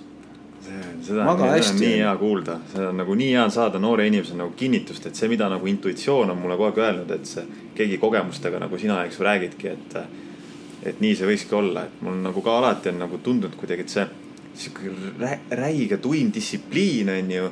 ja sihuke push imine ja nagu on tänapäeval see grinding on see, see termin, on ju et see nagu, see ei, see ei toimi või see, see ei vii nagu tegelikult kiiremini kuhugi. ei vii, no vaata töökeskkondagi, kui uue, uuema aja firmad sünnivad, ega see töökeskkond ei ole enam selline nagu vanasti oli kabinetidirektori luks ja edasi, et see on, see on community on ju, see on mm. nagu sa, sa ehitad sellist sotsiaalset community't ja. aga mis ma veel tahtsin öelda selle, selle asja juurde, selle ongi see, et minu jaoks on veel see, et, et ma püüan õhtuti, kui ma lähen magama, siis olla tänulik. ma teen mm -hmm. sellise tänupalve. ma rahulikult magan juba, aga siis ma nagu tänan kõige selle eest, sest tegelikult halbu asju ei juhtu. et kui keegi arvab, et juhtus midagi halvasti, siis kõik asjad on head. ja, ja sellest mingil point inimene tegelikult jõuab, kui ta hakkab mõtlema, et see, mis oli täna takistus või juhtus halvasti, juhtus ju mingi mõttega, et sa muudaksid midagi, onju. ja see oli ju hea. see annabki sulle võimaluse muutuda, onju et selles mõttes hea asi ei ole alati mitte halb asi mm, -hmm. vaid hea, halb asi võib olla ka näiliselt halb asi on tegelikult alati hea. ehk õhtuti ma alati tänan kõige eest, eks ole, kõike, mis ma mõtlesin või ütlesin, tegin või ei teinud. kõige selle eest olen tänulik, on ju, ja ma lähen kohe magama mm. -hmm. nii kui ma selle nägemist, ma ei, mitte midagi aru, siis ma näen vahest unenägusid ka mm. -hmm. tõusen üles ja mõtlen, et oh, täna ma tahaks olla väga hea, on ju, kuidagi, et mida ma saaks täna hea olla mis võib-olla mõnele inimesele tundub halb, kui ma näiteks pean kedagi koondama või midagi tegema mm, -hmm. see tundub talle täna halb. aga võib-olla see on, homme talle avaneb täiesti uued võimalused tänu sellele, onju. ta ei teadnud seda enne, tal tundus, et ma lasen ta lahti näiteks, midagi juhtub mm. -hmm. nüüd on halb mm. -hmm. aga võib-olla see, et, et ta lahkub organisatsioonist, on millegi jaoks, selle organisatsiooni jaoks näiteks hea, onju. või minu jaoks või teiste kaastöötajate jaoks või klientide jaoks või mingite muude asjade jaoks. ja tema enda areng läheb teises kohas veel paremaks, on ju. aga ta mhm. lihtsalt kartis seda, ta arvab, et see on täna halb asi mm. -hmm. näiteks nii, et ärge kartke ka seda, et, et teid lastakse lahti kuskilt või vallandatakse või koondatakse mm. -hmm. pigem võta see julgus kätte, ütle okei okay,, aga et mina olen ju mina, on ju. ma vaatan nüüd ringi ja küll mulle tuleb mingi uus mm -hmm. võimalus, on ju. et ma olen isegi olnud ka kaks korda elus palgatöötaja või kolm korda äkki või et siis, kui ma kooli ajal käisin ja siis, kui Soomes olin ka vahepeal äh, ühes firmas palgatöötaja, vist rohkem ei olegi olnud. ja, ja ühest kohast mind siis nii-öelda lahti last, äh, lasti lahti, sest minu tingimused olid väga lihtsad, ma ütlesin, ma tulen kell üksteist tööle, mitte kell kaheksa nagu kõik teised soomlased. ja ma lähen ära kell neli. ma olen teistkümnest neljani, sada prossa, full teie. aga mul on sellised tingimused veel, vot tšikk-tšikk-tšikk on ju ja muidugi noh, vaata, seal on, see oli selline, kliinikus oli suur organisatsioon, seal oli distsipliin, seal oli mingi asi, juhataja, kõik. kella kaheksast kella kuueni, eks ole, kõik arstid peavad tööd tegema ja seal mingi puu-puu-puu onju. ma ütlesin, kuulge, kas te tahate nüüd mind kui head arsti, spetsialisti, et ma arendan neid. või te tahate mingit robotit siia onju. et mina ei ole robot, ei palganud ju mind alguses, läbirääkimised olid sellised, et, et sa tuled, arendad seda, ma arendasingi neil seda. aga ma ütlesin, sealjuures mul on ka sellised tingimused et ma hommikul söön rahulikult, mõtlen läbi oma päeva, onju. liigun, käin jooksmas, onju, jalutamas lastega. vaatan ringi. ja siis ma tulen tööle. ma olen puhanud, ma teen kõik ära, siis lähen ära. ainuke inimene, kes saab olla efektiivne, on puhanud inimene. keegi teine puhanud ei ole. ehk see vana mudel, et üheksast viieni või ma ei tea, kaheksast viieni või kuueni on ju töötamine iganenud kolm-neli päeva päev, äh, maksimum nädalas võiks üldse tööd teha, onju. maksimum neli tundi päevas midagi tõsiselt teha, ülejäänud aeg tuleb chill ida. ja uskuge mind, raha hakkab rohkem tulema, sest sa teed sihipäraselt tööd, sa teed fookusega, onju sa keskendud sellele, aga sa ei tegele mingi jamaga seal töö juures, ei vahi arvutis mingit Facebooke või ma ei tea mida, onju. sa keskendud, sest sul on see neli tundi ainult näiteks või viis tundi maksimum, onju. -hmm. Ja rohkem ei tee, siis on case close ja nüüd ma olen, ma ei tea, vot Kris on ju ja nüüd ma lähen kirjutan oma mingit juttu või mm, -hmm. või sina on ju tegeled seal sõpradega midagi teed, on ju. et nii ongi, nii minu arust on mingisugused lihtsad mõtted ja tegelikult asi ongi lihtsuses. lihtsus peitub võlu jah. jah, vähem teha, vähem on rohkem kaheksakümmend, kakskümmend printsiip on ju. ja see toimib alati, et tee kakskümmend prossa ajast tööd ja kaheksakümmend puhka on ju Läheks äh mind kohe hakkas huvitama, läheks siit tervise peale. tahtsingi öelda, et tervist on mainitud, mainis juba mitu korda. ja just ma tahaks hamba tervise kohta ka kuulda tegelikult, ma tahaks, ma tahaks nagu teada, et mis. no nii, Martin, karp lahti ja et mis nagu jah noh, ma, ma ei ole sellega kuigi palju kursis, aga kindlasti on ka mingid müüdid, mis nagu usutakse, et kuidas näiteks äh, omada tugevat suutervist, on ju, kuidas omada head suu, suuhügieeni, mingid müüdid ja mis on nagu see tegelikkus või nagu mind nagu kohe huvitab nagu see ka. nojah, vaata, siin on äh,, eks neid müüte on palju ja igasuguseid asju, aga, aga üks põhilisi asju, mis on probleemiks kogu tervishoius, on see, et, et meil on valed äh, sellised motoorsed või sellised äh, valed käitumised. selles mõttes, et äh, no näiteks äh, inimene elab kuskil, eks ole. tal on lapsed ja need inimesed, kes kasvatavad last, need inim-, äh, ütleme mees ja naine näiteks, eks ole, et, et siis äh, nad ei ole harjunud käima arsti juures regulaarselt kontrollimas. Äh, nad käivad seal siis, kui midagi juhtub. Nad ütlevad, et meil ei ole raha näiteks. see kogu tervishoiu, ütleme niimoodi. ja ja kuidagi arvatakse, et see laps siis ka automaatselt nagu ongi nagu terve või noh, ta see, et ta, ta haigestub vahest ja see kõik on nagu normaalne ja. aga me ei peagi nagu tegelema väga selle mõtestamisega, et kuidas olla terve on ju, et noh, tegelikult me ei liigu, ei kõnni, ei toitu ja nii edasi ja nii edasi, aga me ei käi ka arsti juures. sama kehtib ka hambaarsti juurde. ehk siis vanemad vaatavad, et ma pean haige, selle oma haige suu kuidagi terveks tegema, mul ei ole raha, ma ei lähe. Tal ei ole raha, tal ei ole ka harjumust, tal ei ole seda nagu sellist kogemust, harjumust. et, et kui on mingi mure, ma lähen lahendan selle ära. ja seesama harjumus kujundatakse ka oma lastesse sest Eestis on ju tasuta tervishoid, noh, selles mõttes solidaarne, et sa lähed sinna perearsti, sa ei pea eriti midagi väga palju maksma tegelikult. aga tervis, suutervises on ju lastele kuni üheksateist aastat on tasuta kogu aeg olnud. ja meil ikkagi juba esimesse klassi minnes on pooltel lastel hambaaugud. kuigi see on tasuta ravi ju. miks sa ei käi?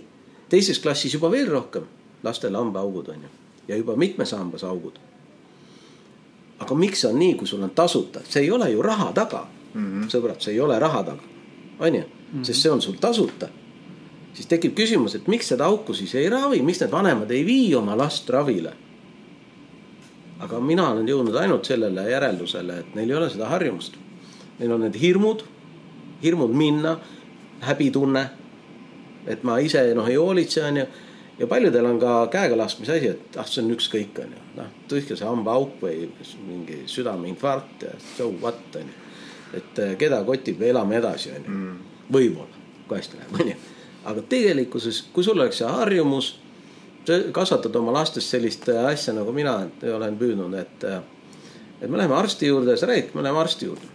sa ei hirmuta last, on ju, see on nagu poodi minek, see on igale poole ja kui arst teeb süsti, ütled jah, nüüd sul on valus on ju, see teeb süsti, aga see on pärast okei okay, on ju, see käib asja juurde. see käib asja juurde ja võta seda nii nagu on. muidugi on valus, vahest vaatad pisarad seal mingi arst seal, vahest mingi õde torgib seal, ma ei tea, kümme korda ei saa veenile pihta, kui on vaja verd võtta, laps juba täiesti niimoodi koomas seal nutab, eks. Aga pärast seda tal on okei okay., see, see nagu, see oli asja nimel on ju, sa ei hirmuta ette, et oh, kui sa nüüd hambaid ei pese, vaata siis hambaarst puurib sulle onju, no milleks sa tekitad stressi onju mm -hmm. oma lastes onju. meenub üks äh, juhus, meil sihuke kliinik, kuhu liftiga sai teisele korrusele ja see oligi meie kliinik onju. ei olnud uksi midagi, ainult lifti uks, eks. ja tuleb mingi, noh ütleme näiteks viie-kuue aastane tüüp onju, emaga. õudne kisa no mingi tohutu kisa ja ma tulen ka kabinetist välja, vaatan, mingi õudne röökimine käib, laps röögib täiega. sikutatakse liftist välja last, ema-isa, täie jõuga sikutad, laps on nagu see veretäht seal tead niimoodi vastu, kuidagi kinni liip, liipunud sinna liftis onju, ei saa välja. lõpuks said välja, siis tulid sinna kuidagi kabinetis on mingi õudne triangel. Istu siia, ma ütlesin ei, ei, ei midagi onju, räägin selle lapsega seal niimoodi, noh, rahunes maha kuidagi siis ma ei teinudki midagi. saatsin lapse välja isaga, rääkisin emaga, ütlesin, et kuule, et kas teie laps läheb poodi ka sedasi, kas ta kardab näiteks siin üleval on need üle tee on pood on ju. et kas ta kardab sinna või ei karda. et mitmes kord ta elus hambaarsti juurde, esimene kord tuleb on ju. no seda, aga kuidas ta siis niimoodi nagu mm üldse nagu, et kas ta, kui te lähete kellelegi külla, asjad, kas ta ei julge kuhugi ustest minna, et kas tal on mingi midagi probleemi või? ei ole. ma ütlesin, aga miks siis nüüd oli ja see ongi see, et et vanaema ja kõik räägivad, oi homme lähed hambaarsti juurde oh,. homme lähed, eks ole, arsti juurde, vot siis, issand, ma olin haige ja siis see määrati tablette ja siis see süstis ja see võttis verd ja. ja siis mulle tehti seda ja kõike räägivad igasuguseid jutte ja mis see laps siis teeb, onju. tema ju kuuleb seda, onju, kui ta aru saab juba nii-öelda tekstist ta saab aru, et see on mingi õudne koht, kuhu teda viiakse, see on ju teistsugune, mingi kliinik, seal on inimesed kõnnivad mingites särkides, teistsugustes riietes on ju, nad ei ole siuksed on ju, mingisse kabinetti pead minema, see kõik on ju hirmus lapse jaoks, mõtle ise on ju oma lapsepõlve peale. et mis sa siis nagu võimendad seda, parem tee chill'ilt seda asja.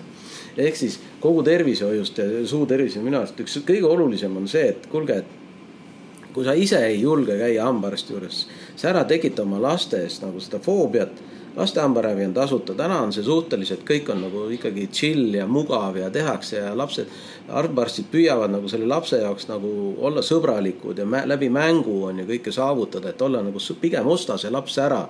mina annan siin mingeid klepse ja asju ei sunni, esimene kord ei taha, ei taha, võta järgmine kord kaasa, käi lihtsalt lapsega hambaarsti juures, käi kontrollist, aga on ju, ärge midagi tehke, lihtsalt harjuta nagu selle kliimaga, need kliinikud, mingid asjad. et harjutage lihtsalt käima nagu poodides on ju, nagu kuskil, ma ei tea, kus on ju, lasteaias mm. -hmm. et täpselt sama, et see, see kõik algab nagu tervisekäitumisest, et eh, kui vanemad ise ei käi, nad ei vii last, lapsed lähevad, jäävad haigeks, eks ole, kuigi see on tasuta ja, ja siis hakkavad need äh, protseduurid, need on valulikud, võib-olla ebamugavad, on ju, siis lapsel on rohkem kannatusi, tekivad hirmud.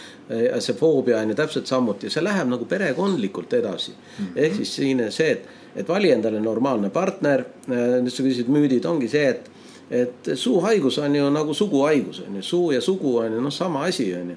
et see on nakkushaigus et põhimõtteliselt on nii, et me vahetame sülge, eks ole, oma partneriga ja kui partneril on siis selline olukord, kus tal on äh, palju selliseid mikroobe, mis põhjustavad, ütleme, suus teatud probleeme ja sinul neid ei ole, aga sa saad seda endale nüüd süljekontaktiga ja sinu organismi kaitsevõime ei suuda sellega toime tulla, siis sa saad selle nakkuse endale, eks ole. see on nakkushaigus, igemehaigused, äh, hambakaaries, see kõik on nakkushaigus ehk siis äh, vali partnerid nagu hobuski, eks ole, hammaste järgi ja, ja et äh, vaata nagu natuke suhu ka. või küsi, et kuule, kuidas sul see nagu tervisestaatus on, on ju, et, et, et ära päris ööklubis esimest naist kohe nagu sebi või meest, on ju, et äh, vaata ikka natuke, et kui tal klahvid on korras enam-vähem, no siis tõenäoliselt on korras, on ju, aga kui ei ole, siis noh siis kui on väga hea mees, vii hambaarsti juurde. Lase teie tal suu korda teha ja nii edasi ja, ja, ja muidugi, mis, mis on nagu veel suu tervises ülioluline, väga lihtne asi, hommikul tõused, pesed hambad ära, lähed sööma. siis ei ole mikroobe, ei ole enam happerünnakut. pärast sööki loputa suu on ju, kas survepesuriga, mingi veega, lähed hambaharjaga korra üle on ju, tee puhtaks, on lihtsalt toidujäätmed keegi ei keela sul päeval ka hambaharjaga korra lihtsalt üle käia, pärast sööki puhastada hambaid on ju, nätsu süüa nätsuga ongi see, et vaata tihti ju keelatakse ära näru, näri ja nii edasi, muidugi mäluda, noh, ei ole lihtsalt viisakas, aga padjad on ju sellised, et paar-kolm minti on närid ja ta on juba nagu selline mingi plöga sul suus on ju. sülita prügikasti. muidugi ei tasu seda, miks sa koolis üldse lubate, paned sinna laua alla või istme alla on ju, siis keegi istub ja noh. aga pigem õpetada minu arust lihtsaid asju, et kuule, kui sa närid nätsu on ju peale söömist ja neutraliseerid suus on ju. keskkonda puhastad sellega mehaaniliselt, teiselt poolt keemiliselt äh, neutraliseerid.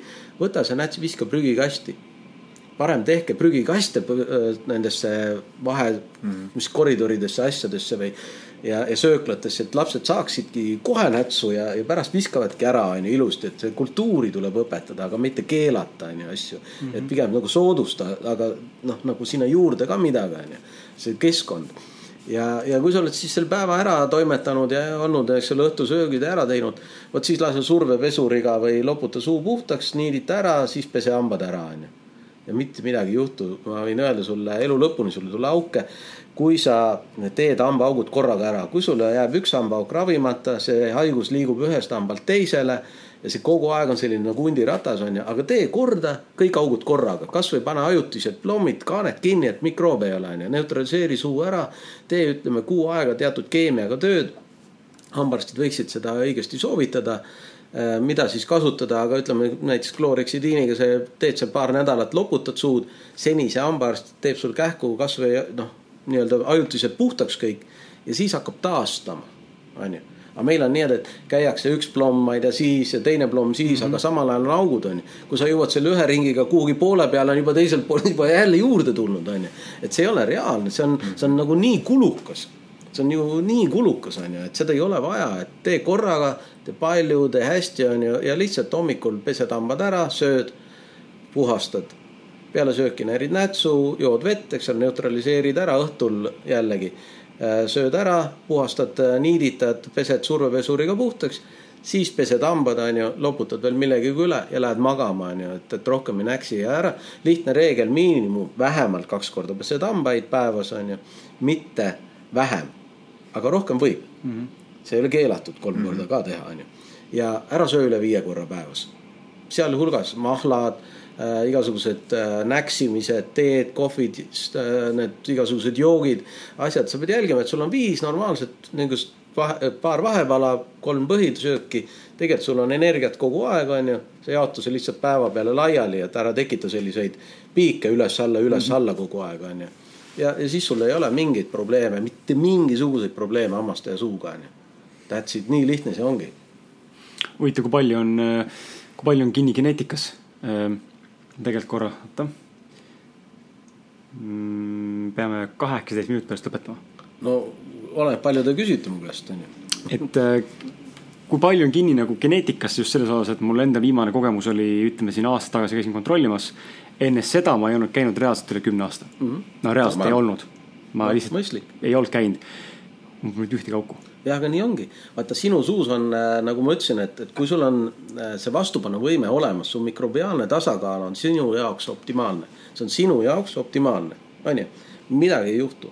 kui sa pesed teed hoolist, no võib-olla hambakivi tekib äkki vahest midagi ladestusi millalgi onju, puhastad ära onju, noh, that's it onju. vahest ei pruugi isegi seda tekkida onju. et pigem nagu vaadata seda puhastust. Aga, aga näiteks kui sa saaksid äh, ja sa muudaksid ära oma partnersuhted, sa muudaksid oma toitumishügieeni harjumusi, siis hakkaks sul tulema mm. -hmm. et, et see on see, mitte see hammas ise ei ole see geneetiline, see, seal on ka onju aga ta on alati, ta on nagu niisugune ta on, tal on email ja see on tugev. teda kahjustab ainult hape. ja hape tekib mikroobidest, mida ei ole suust puhastatud ära. Kas hambavahedest, hambakaeltest on ju sealt eri. kui sul seda puhastust ei ole, siis tere tulemast aukude maailma on ju aga kui sa puhastad ja sinu ke suukeskkond on neutraalne, vot see on sinu jaoks optimaalne õigemini jah, siis ei juhtugi midagi sest sa ei saanud oma vanematelt äh, mikroobe. nii-öelda, kellel olid augud, on ju näiteks. Nüüd nad võtsid oma suust, eks ole, lusika, panid lapsele ja nii edasi. esimese nelja eluaastaga kujundatakse ära põhiline floora. esimesed neli eluaastat, kui sa suudad nelja eluaasta jooksul lapsele hoiduda nakatuse andmisest oma hamba suupato-, patogeenide ehk siis halbade mikroobide üleandmisest lapsele mm. -hmm. anda talle head optimaalset suuhügieeni ja tema toitumist jälgida, et seal ei oleks liiga palju igasuguseid äh, tärklist ja suhkrut sisalduvaid asju, on ju, magusaid. ja toidukorrad oleks ratsionaalsed vahega onju, mitte kogu aeg ei joo piima seal, eks ole, näiteks onju. et, et ma panen öösel ka mingi mahlapudel või, või mida iganes tehakse, et laps oleks vait lükanud talle, ma ei tea, meega suhkrustatud mingi luti suhu ja niisugust jama ei tee, onju. see ongi okei okay., arenebki välja floora, mis, milles ei ole neid mikroobe, mis põhjustavad auke ja, ja head mikroobid on üleval. isegi kui neid halbasid ju tuleb elu jooksul, aga head neutraliseerivad nad ära, nad elavad sümbioosi, elavad kooselu neutraal, selline mõistlik kooselu, ega me elame, me koosnemegi bakterid, bakterid on meis rohkem kui rakke, mhm. onju. nii et, et, et see tasakaalu küsimus, et geneetika mängib siin muidugi rolli selles mõttes, aga, aga pigem on geneetika rohkem igeme haigustes, eks ole, et, et hiljem, et kas sul hambad hakkavad logisema või mitte, kas ige hakkab taanduma, onju, kui seal on kivi ja nii edasi. et aga, aga selle, ega geenid üksinda ei määra mitte midagi. geen, sul võib olla see geen aga kui sinna ei tule juurde neid mõjureid, mis seda geeni mõju avaldaksid. no näiteks suu äh, igelmahaigused, ütleme, et sul on geneetiliselt eelsoodumus on ju, ma ei hakka siin väga keerulist juttu ajama, aga ütleme nii, et on võimalik seda verest määrata. nii. ja, aga kui sul on hea suuhügieen, normaalne toitumine, mitte midagi ei juhtu, see geen ei lähe kunagi käima. ja sul on ilusad igemed, aga nii kui sa lased hambakivil tekkida ja näiteks teed suitsu, siis küllalt tõenäoliselt sul hakkab igeme probleemid, onju mm -hmm.. hakkavad igeme, mitte, mitte veritsus, aga ma räägin luu taandumisest, asjast. mehhanismid käivituvad. kuna see valmidus on organismis olemas, aga ta ei käivitu iseenesest, vaid sinna on vaja neid faktoreid juurde, onju. ja see on tegelikult käitumisest, ehk me jõuame siia algusesse, kui sa küsisid, siis see ongi see, et, et, et meie käitumisharjumused mitte ainult suu tervis, vaid kogu tervises, et kuidas me suhtume iseendasse, onju. kas me hoolime endast? Ma olen lastelt küsinud alati, et kas sa tahad terveid hambaid, onju. kas sa tahad olla terve? jaa. vot, vot siis peabki nii tegema, onju. Mhm. ja kui sa tahad olla haige, vot siis sa teedki niimoodi, onju. siis sa oledki haige ja reaalselt jääd ka haigeks. onju, nii et pigem ole terve, vali see terve teekond, sest see on odavam, see on vähem valus ja see on palju fun im kui see, et käia arstide juures, onju, sest need inimesed, äh, tervishoid läheb kogu aeg kallimaks. see on kogu aeg kallim. Ja meie süsteem täna ikkagi ei ole nagu suunatud sellisele ennetavale või, või sellisele ärahoidvale asjale. vaid on ikkagi sellele lappimisele mõeldud, et kuidas me parandame midagi. selle asemel, et teha selline kindlustussüsteem, ma ei räägi ainult suutervisest mm, -hmm. vaid selline kindlustussüsteem, mis hoiaks inimesi tervena, suunaks neid õigesti, on ju.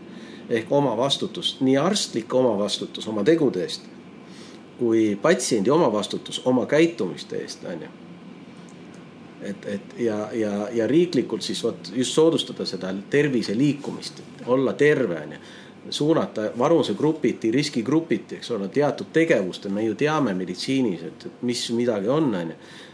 ülekaalulisust, et kuidas seda rohkem kontrollida, kõike seda asja saaks tegelikult reguleerida ja kindlustuse kaudu läbi haigekassa kindlustuse või mingi muu kindlustuse ja siin ka läbi teatud selliste maksesüsteemide, et, et noh, näiteks täna meil on nii, et kõige kallim tervishoid, vaata, kõik räägivad, raha ei ole, paneme juurde.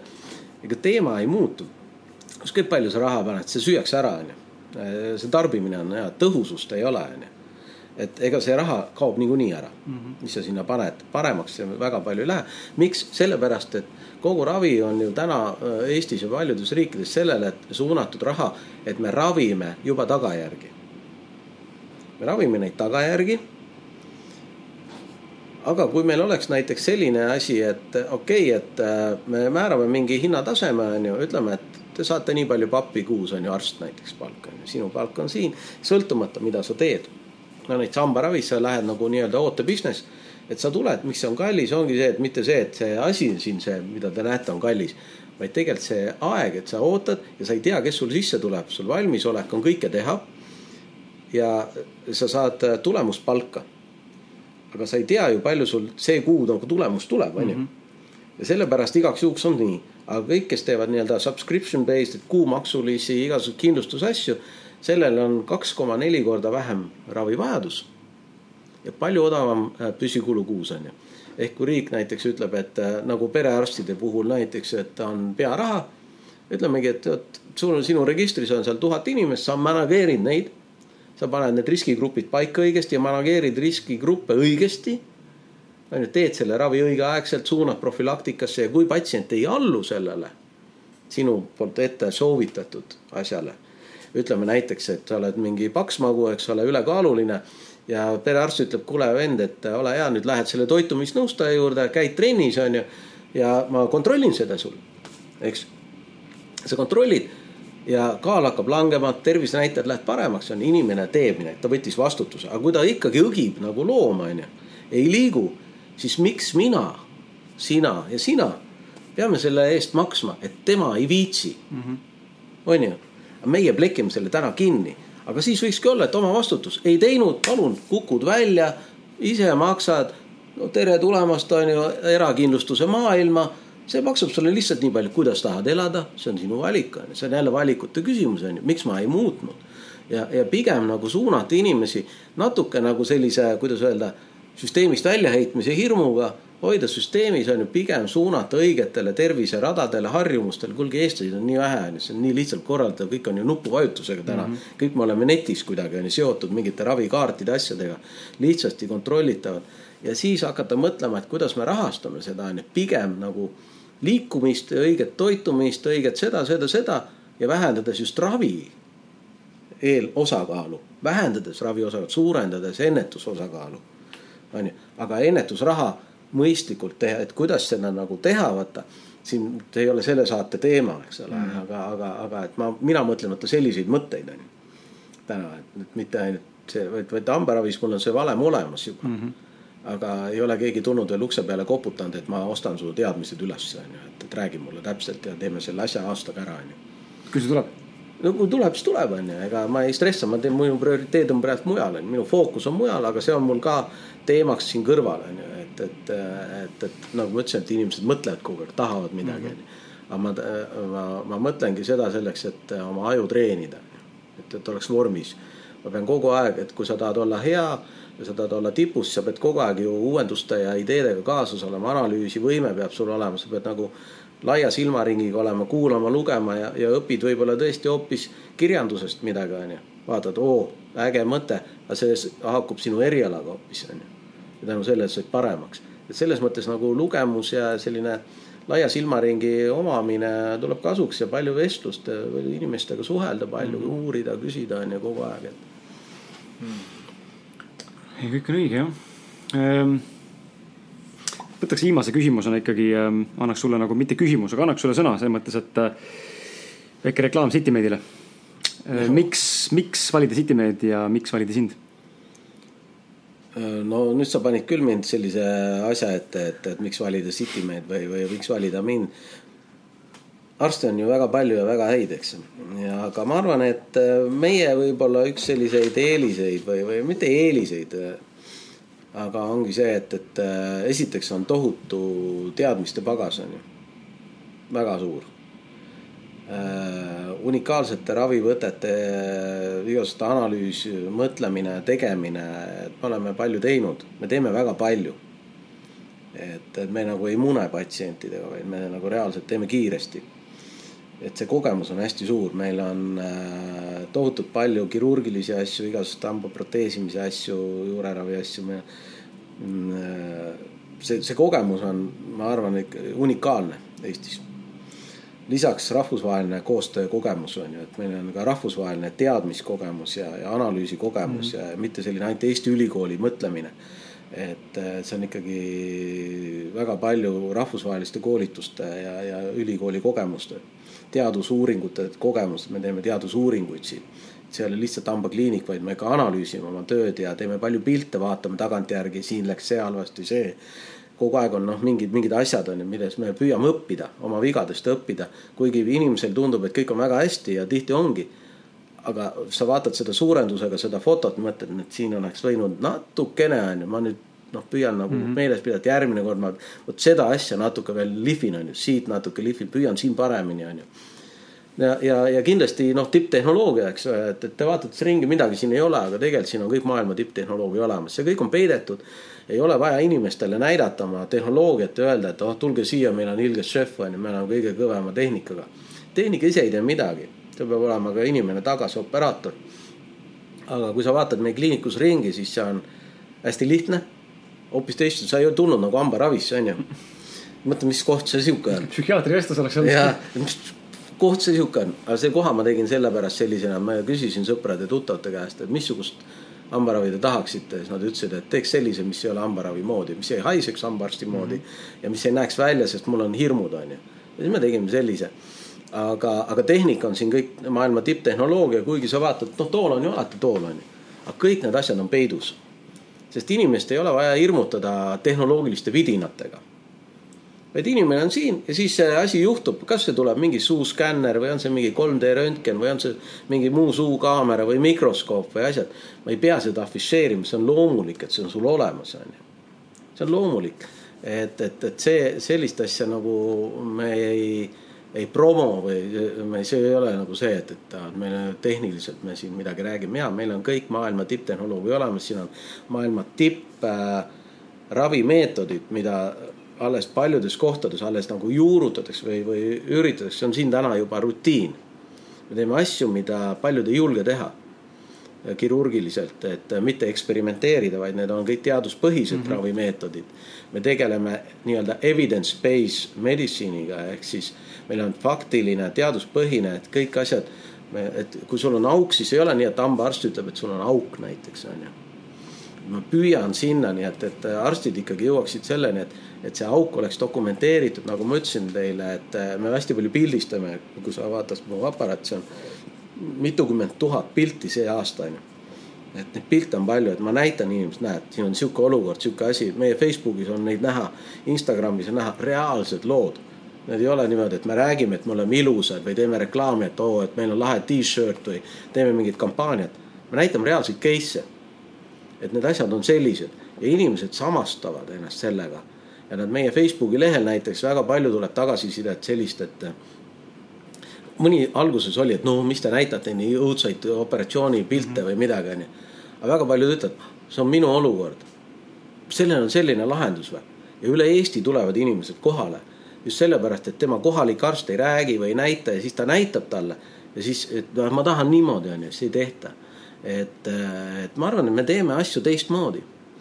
ja, ja praegu me töötame välja täiesti uut teenuse standardit nii meditsiiniliselt et seda faktipõhisust veelgi suurendada, et tõesti, et kui on auk, siis, siis see peab olema tõestatud, et on auk, mitte nii, et puurime auku sellepärast, et raha teenida. et on vaja arveid maksta. vaid auk on või see kroon tuleb ainult sellistel näidustustel on ju, et see ei tehta niisama sinna hambale mm. -hmm. et, et, et niisama ei tohi ravida, et, et me jälgime pigem neid asju. et, et, et me, ma praegultki üritan nüüd jõuda sügiseks sinnani, nagu ma ütlesin, et, et kuidas tõsta veelgi levelit, on ju, kuidas veelgi süstematiseeritud sellist loogilist ravi kaasaegseid meetodeid noh äh, rakendada jah, rakendada et kui ma teoorias loen ja vaatan, mida teised teevad ja käin kursustel, siis kuidas mina saaksin Eestis rakendada nende piiratud ressurssidega maksimaalselt seda asja nüüd nagu praktikasse, kuidas see step üks, step kaks, step kolm on ju, kuidas see pakett tekib, kuidas see hinnakujundus tekib, kes seda oskab teha. kõik siuksed, seal tegelikult on tohutult palju asju, eks ole, et, et, et ma arvan, et me, meie üks eeliseid ongi see, et me mõtestame hästi palju või ma püüan mõtestada Äh, seda, mida me teeme, on ju, ja, ja, ja võimalikult kaasaegse tehnoloogia abil seda kõike dokumenteerida ja läbi viia, et, et äh, ja noh, muidugi kogemus ka ja, ja ikkagi see, et me oleme fännid ka, et me oleme tegelikult päris lahedad tüübid siin, et, et, et noored tüdrukud ka ja ja praegult on muidugi see seis, et meil on siin mingi viirus levib, et ettevaatust, et äh, kõik noored arstid jäävad alati rasedaks ja õed, et meil on siin praegult kaks kolmandikku personalist on rasedad ja kodus lastega ja kes juba teist korda, nii et see on selline äh, üleskutse, et kui keegi otsib hambaarstina tööd ja ta pole rasestunud, siis tõenäoliselt tuleb siia tulla, siis ta aasta-kahe jooksul jääb ta rasedaks ka veel onju. nii et, et mitte ainult patsientidega, aga arstidele, et äh, jah, et, et natuke sihuke imelik värk meil siin on, et, et, et noored tüdrukud ja, ja noh, see on loomulik see on mõnus, et nad saavad lapsi ja et, et siin saates mitu korda kõlanud see lugu, et tehke ikka rohkem sugu ja siis on nagu elu ka fun im. et mm.. Väga lahe. aeg, aeg on täis tiksunud, äge, äge. jah. Polegi midagi öelda, see on nagu nii meie, jälle me, nii nagu meie, palju uut infot. Eh, palju uut infot jah, ja, ja saab jälle seedida ja ma usun, et kuulajatel on ka palju, palju resoneerumist täna olnud, et mina ütlen sulle kindlasti omalt poolt aitäh, Meeme, et sa olid nõus meiega vestlema mina ei ütle aitäh sina ütle aitäh muidugi ütlen, muidugi, väga et, suur tänu. Äh, väga lahe. isegi kui sa ei ütleks, ma ikkagi näen sul silmist, et, et sa oled tänulik ja mina olen teile tegelikult tänulikud ja. ja just see, et, et, et kui me seda hakkasime planeerima ja mõtlema, et noh, et ega ma ei teadnud, millest täna räägimegi, eks ole mm., ma ei tahtnudki teada sest no ma ütlesin, ma püüan olla pigem flow's ja olukorras, et siis läheb see jutt käima, et kui see on normaalne, loogiline mm, -hmm. see on mhm. naturaalne, siis. ja autentne, aus. just aus, et et, et see ongi ja, ja ma tänan kõiki kuulajaid ja, ja eriti Kris ja, ja Martin teid, et selle eest, et see võimaluse üldse mulle andsite, et et, et midagi jagada ja, ja kui kellelgi midagi sellest oli kasu, siis ma olen ülitänulik sellele võimalusele. kust äh, inimesed äh, sind ja Citymeedi internetis, sotsiaalmeediast leiavad?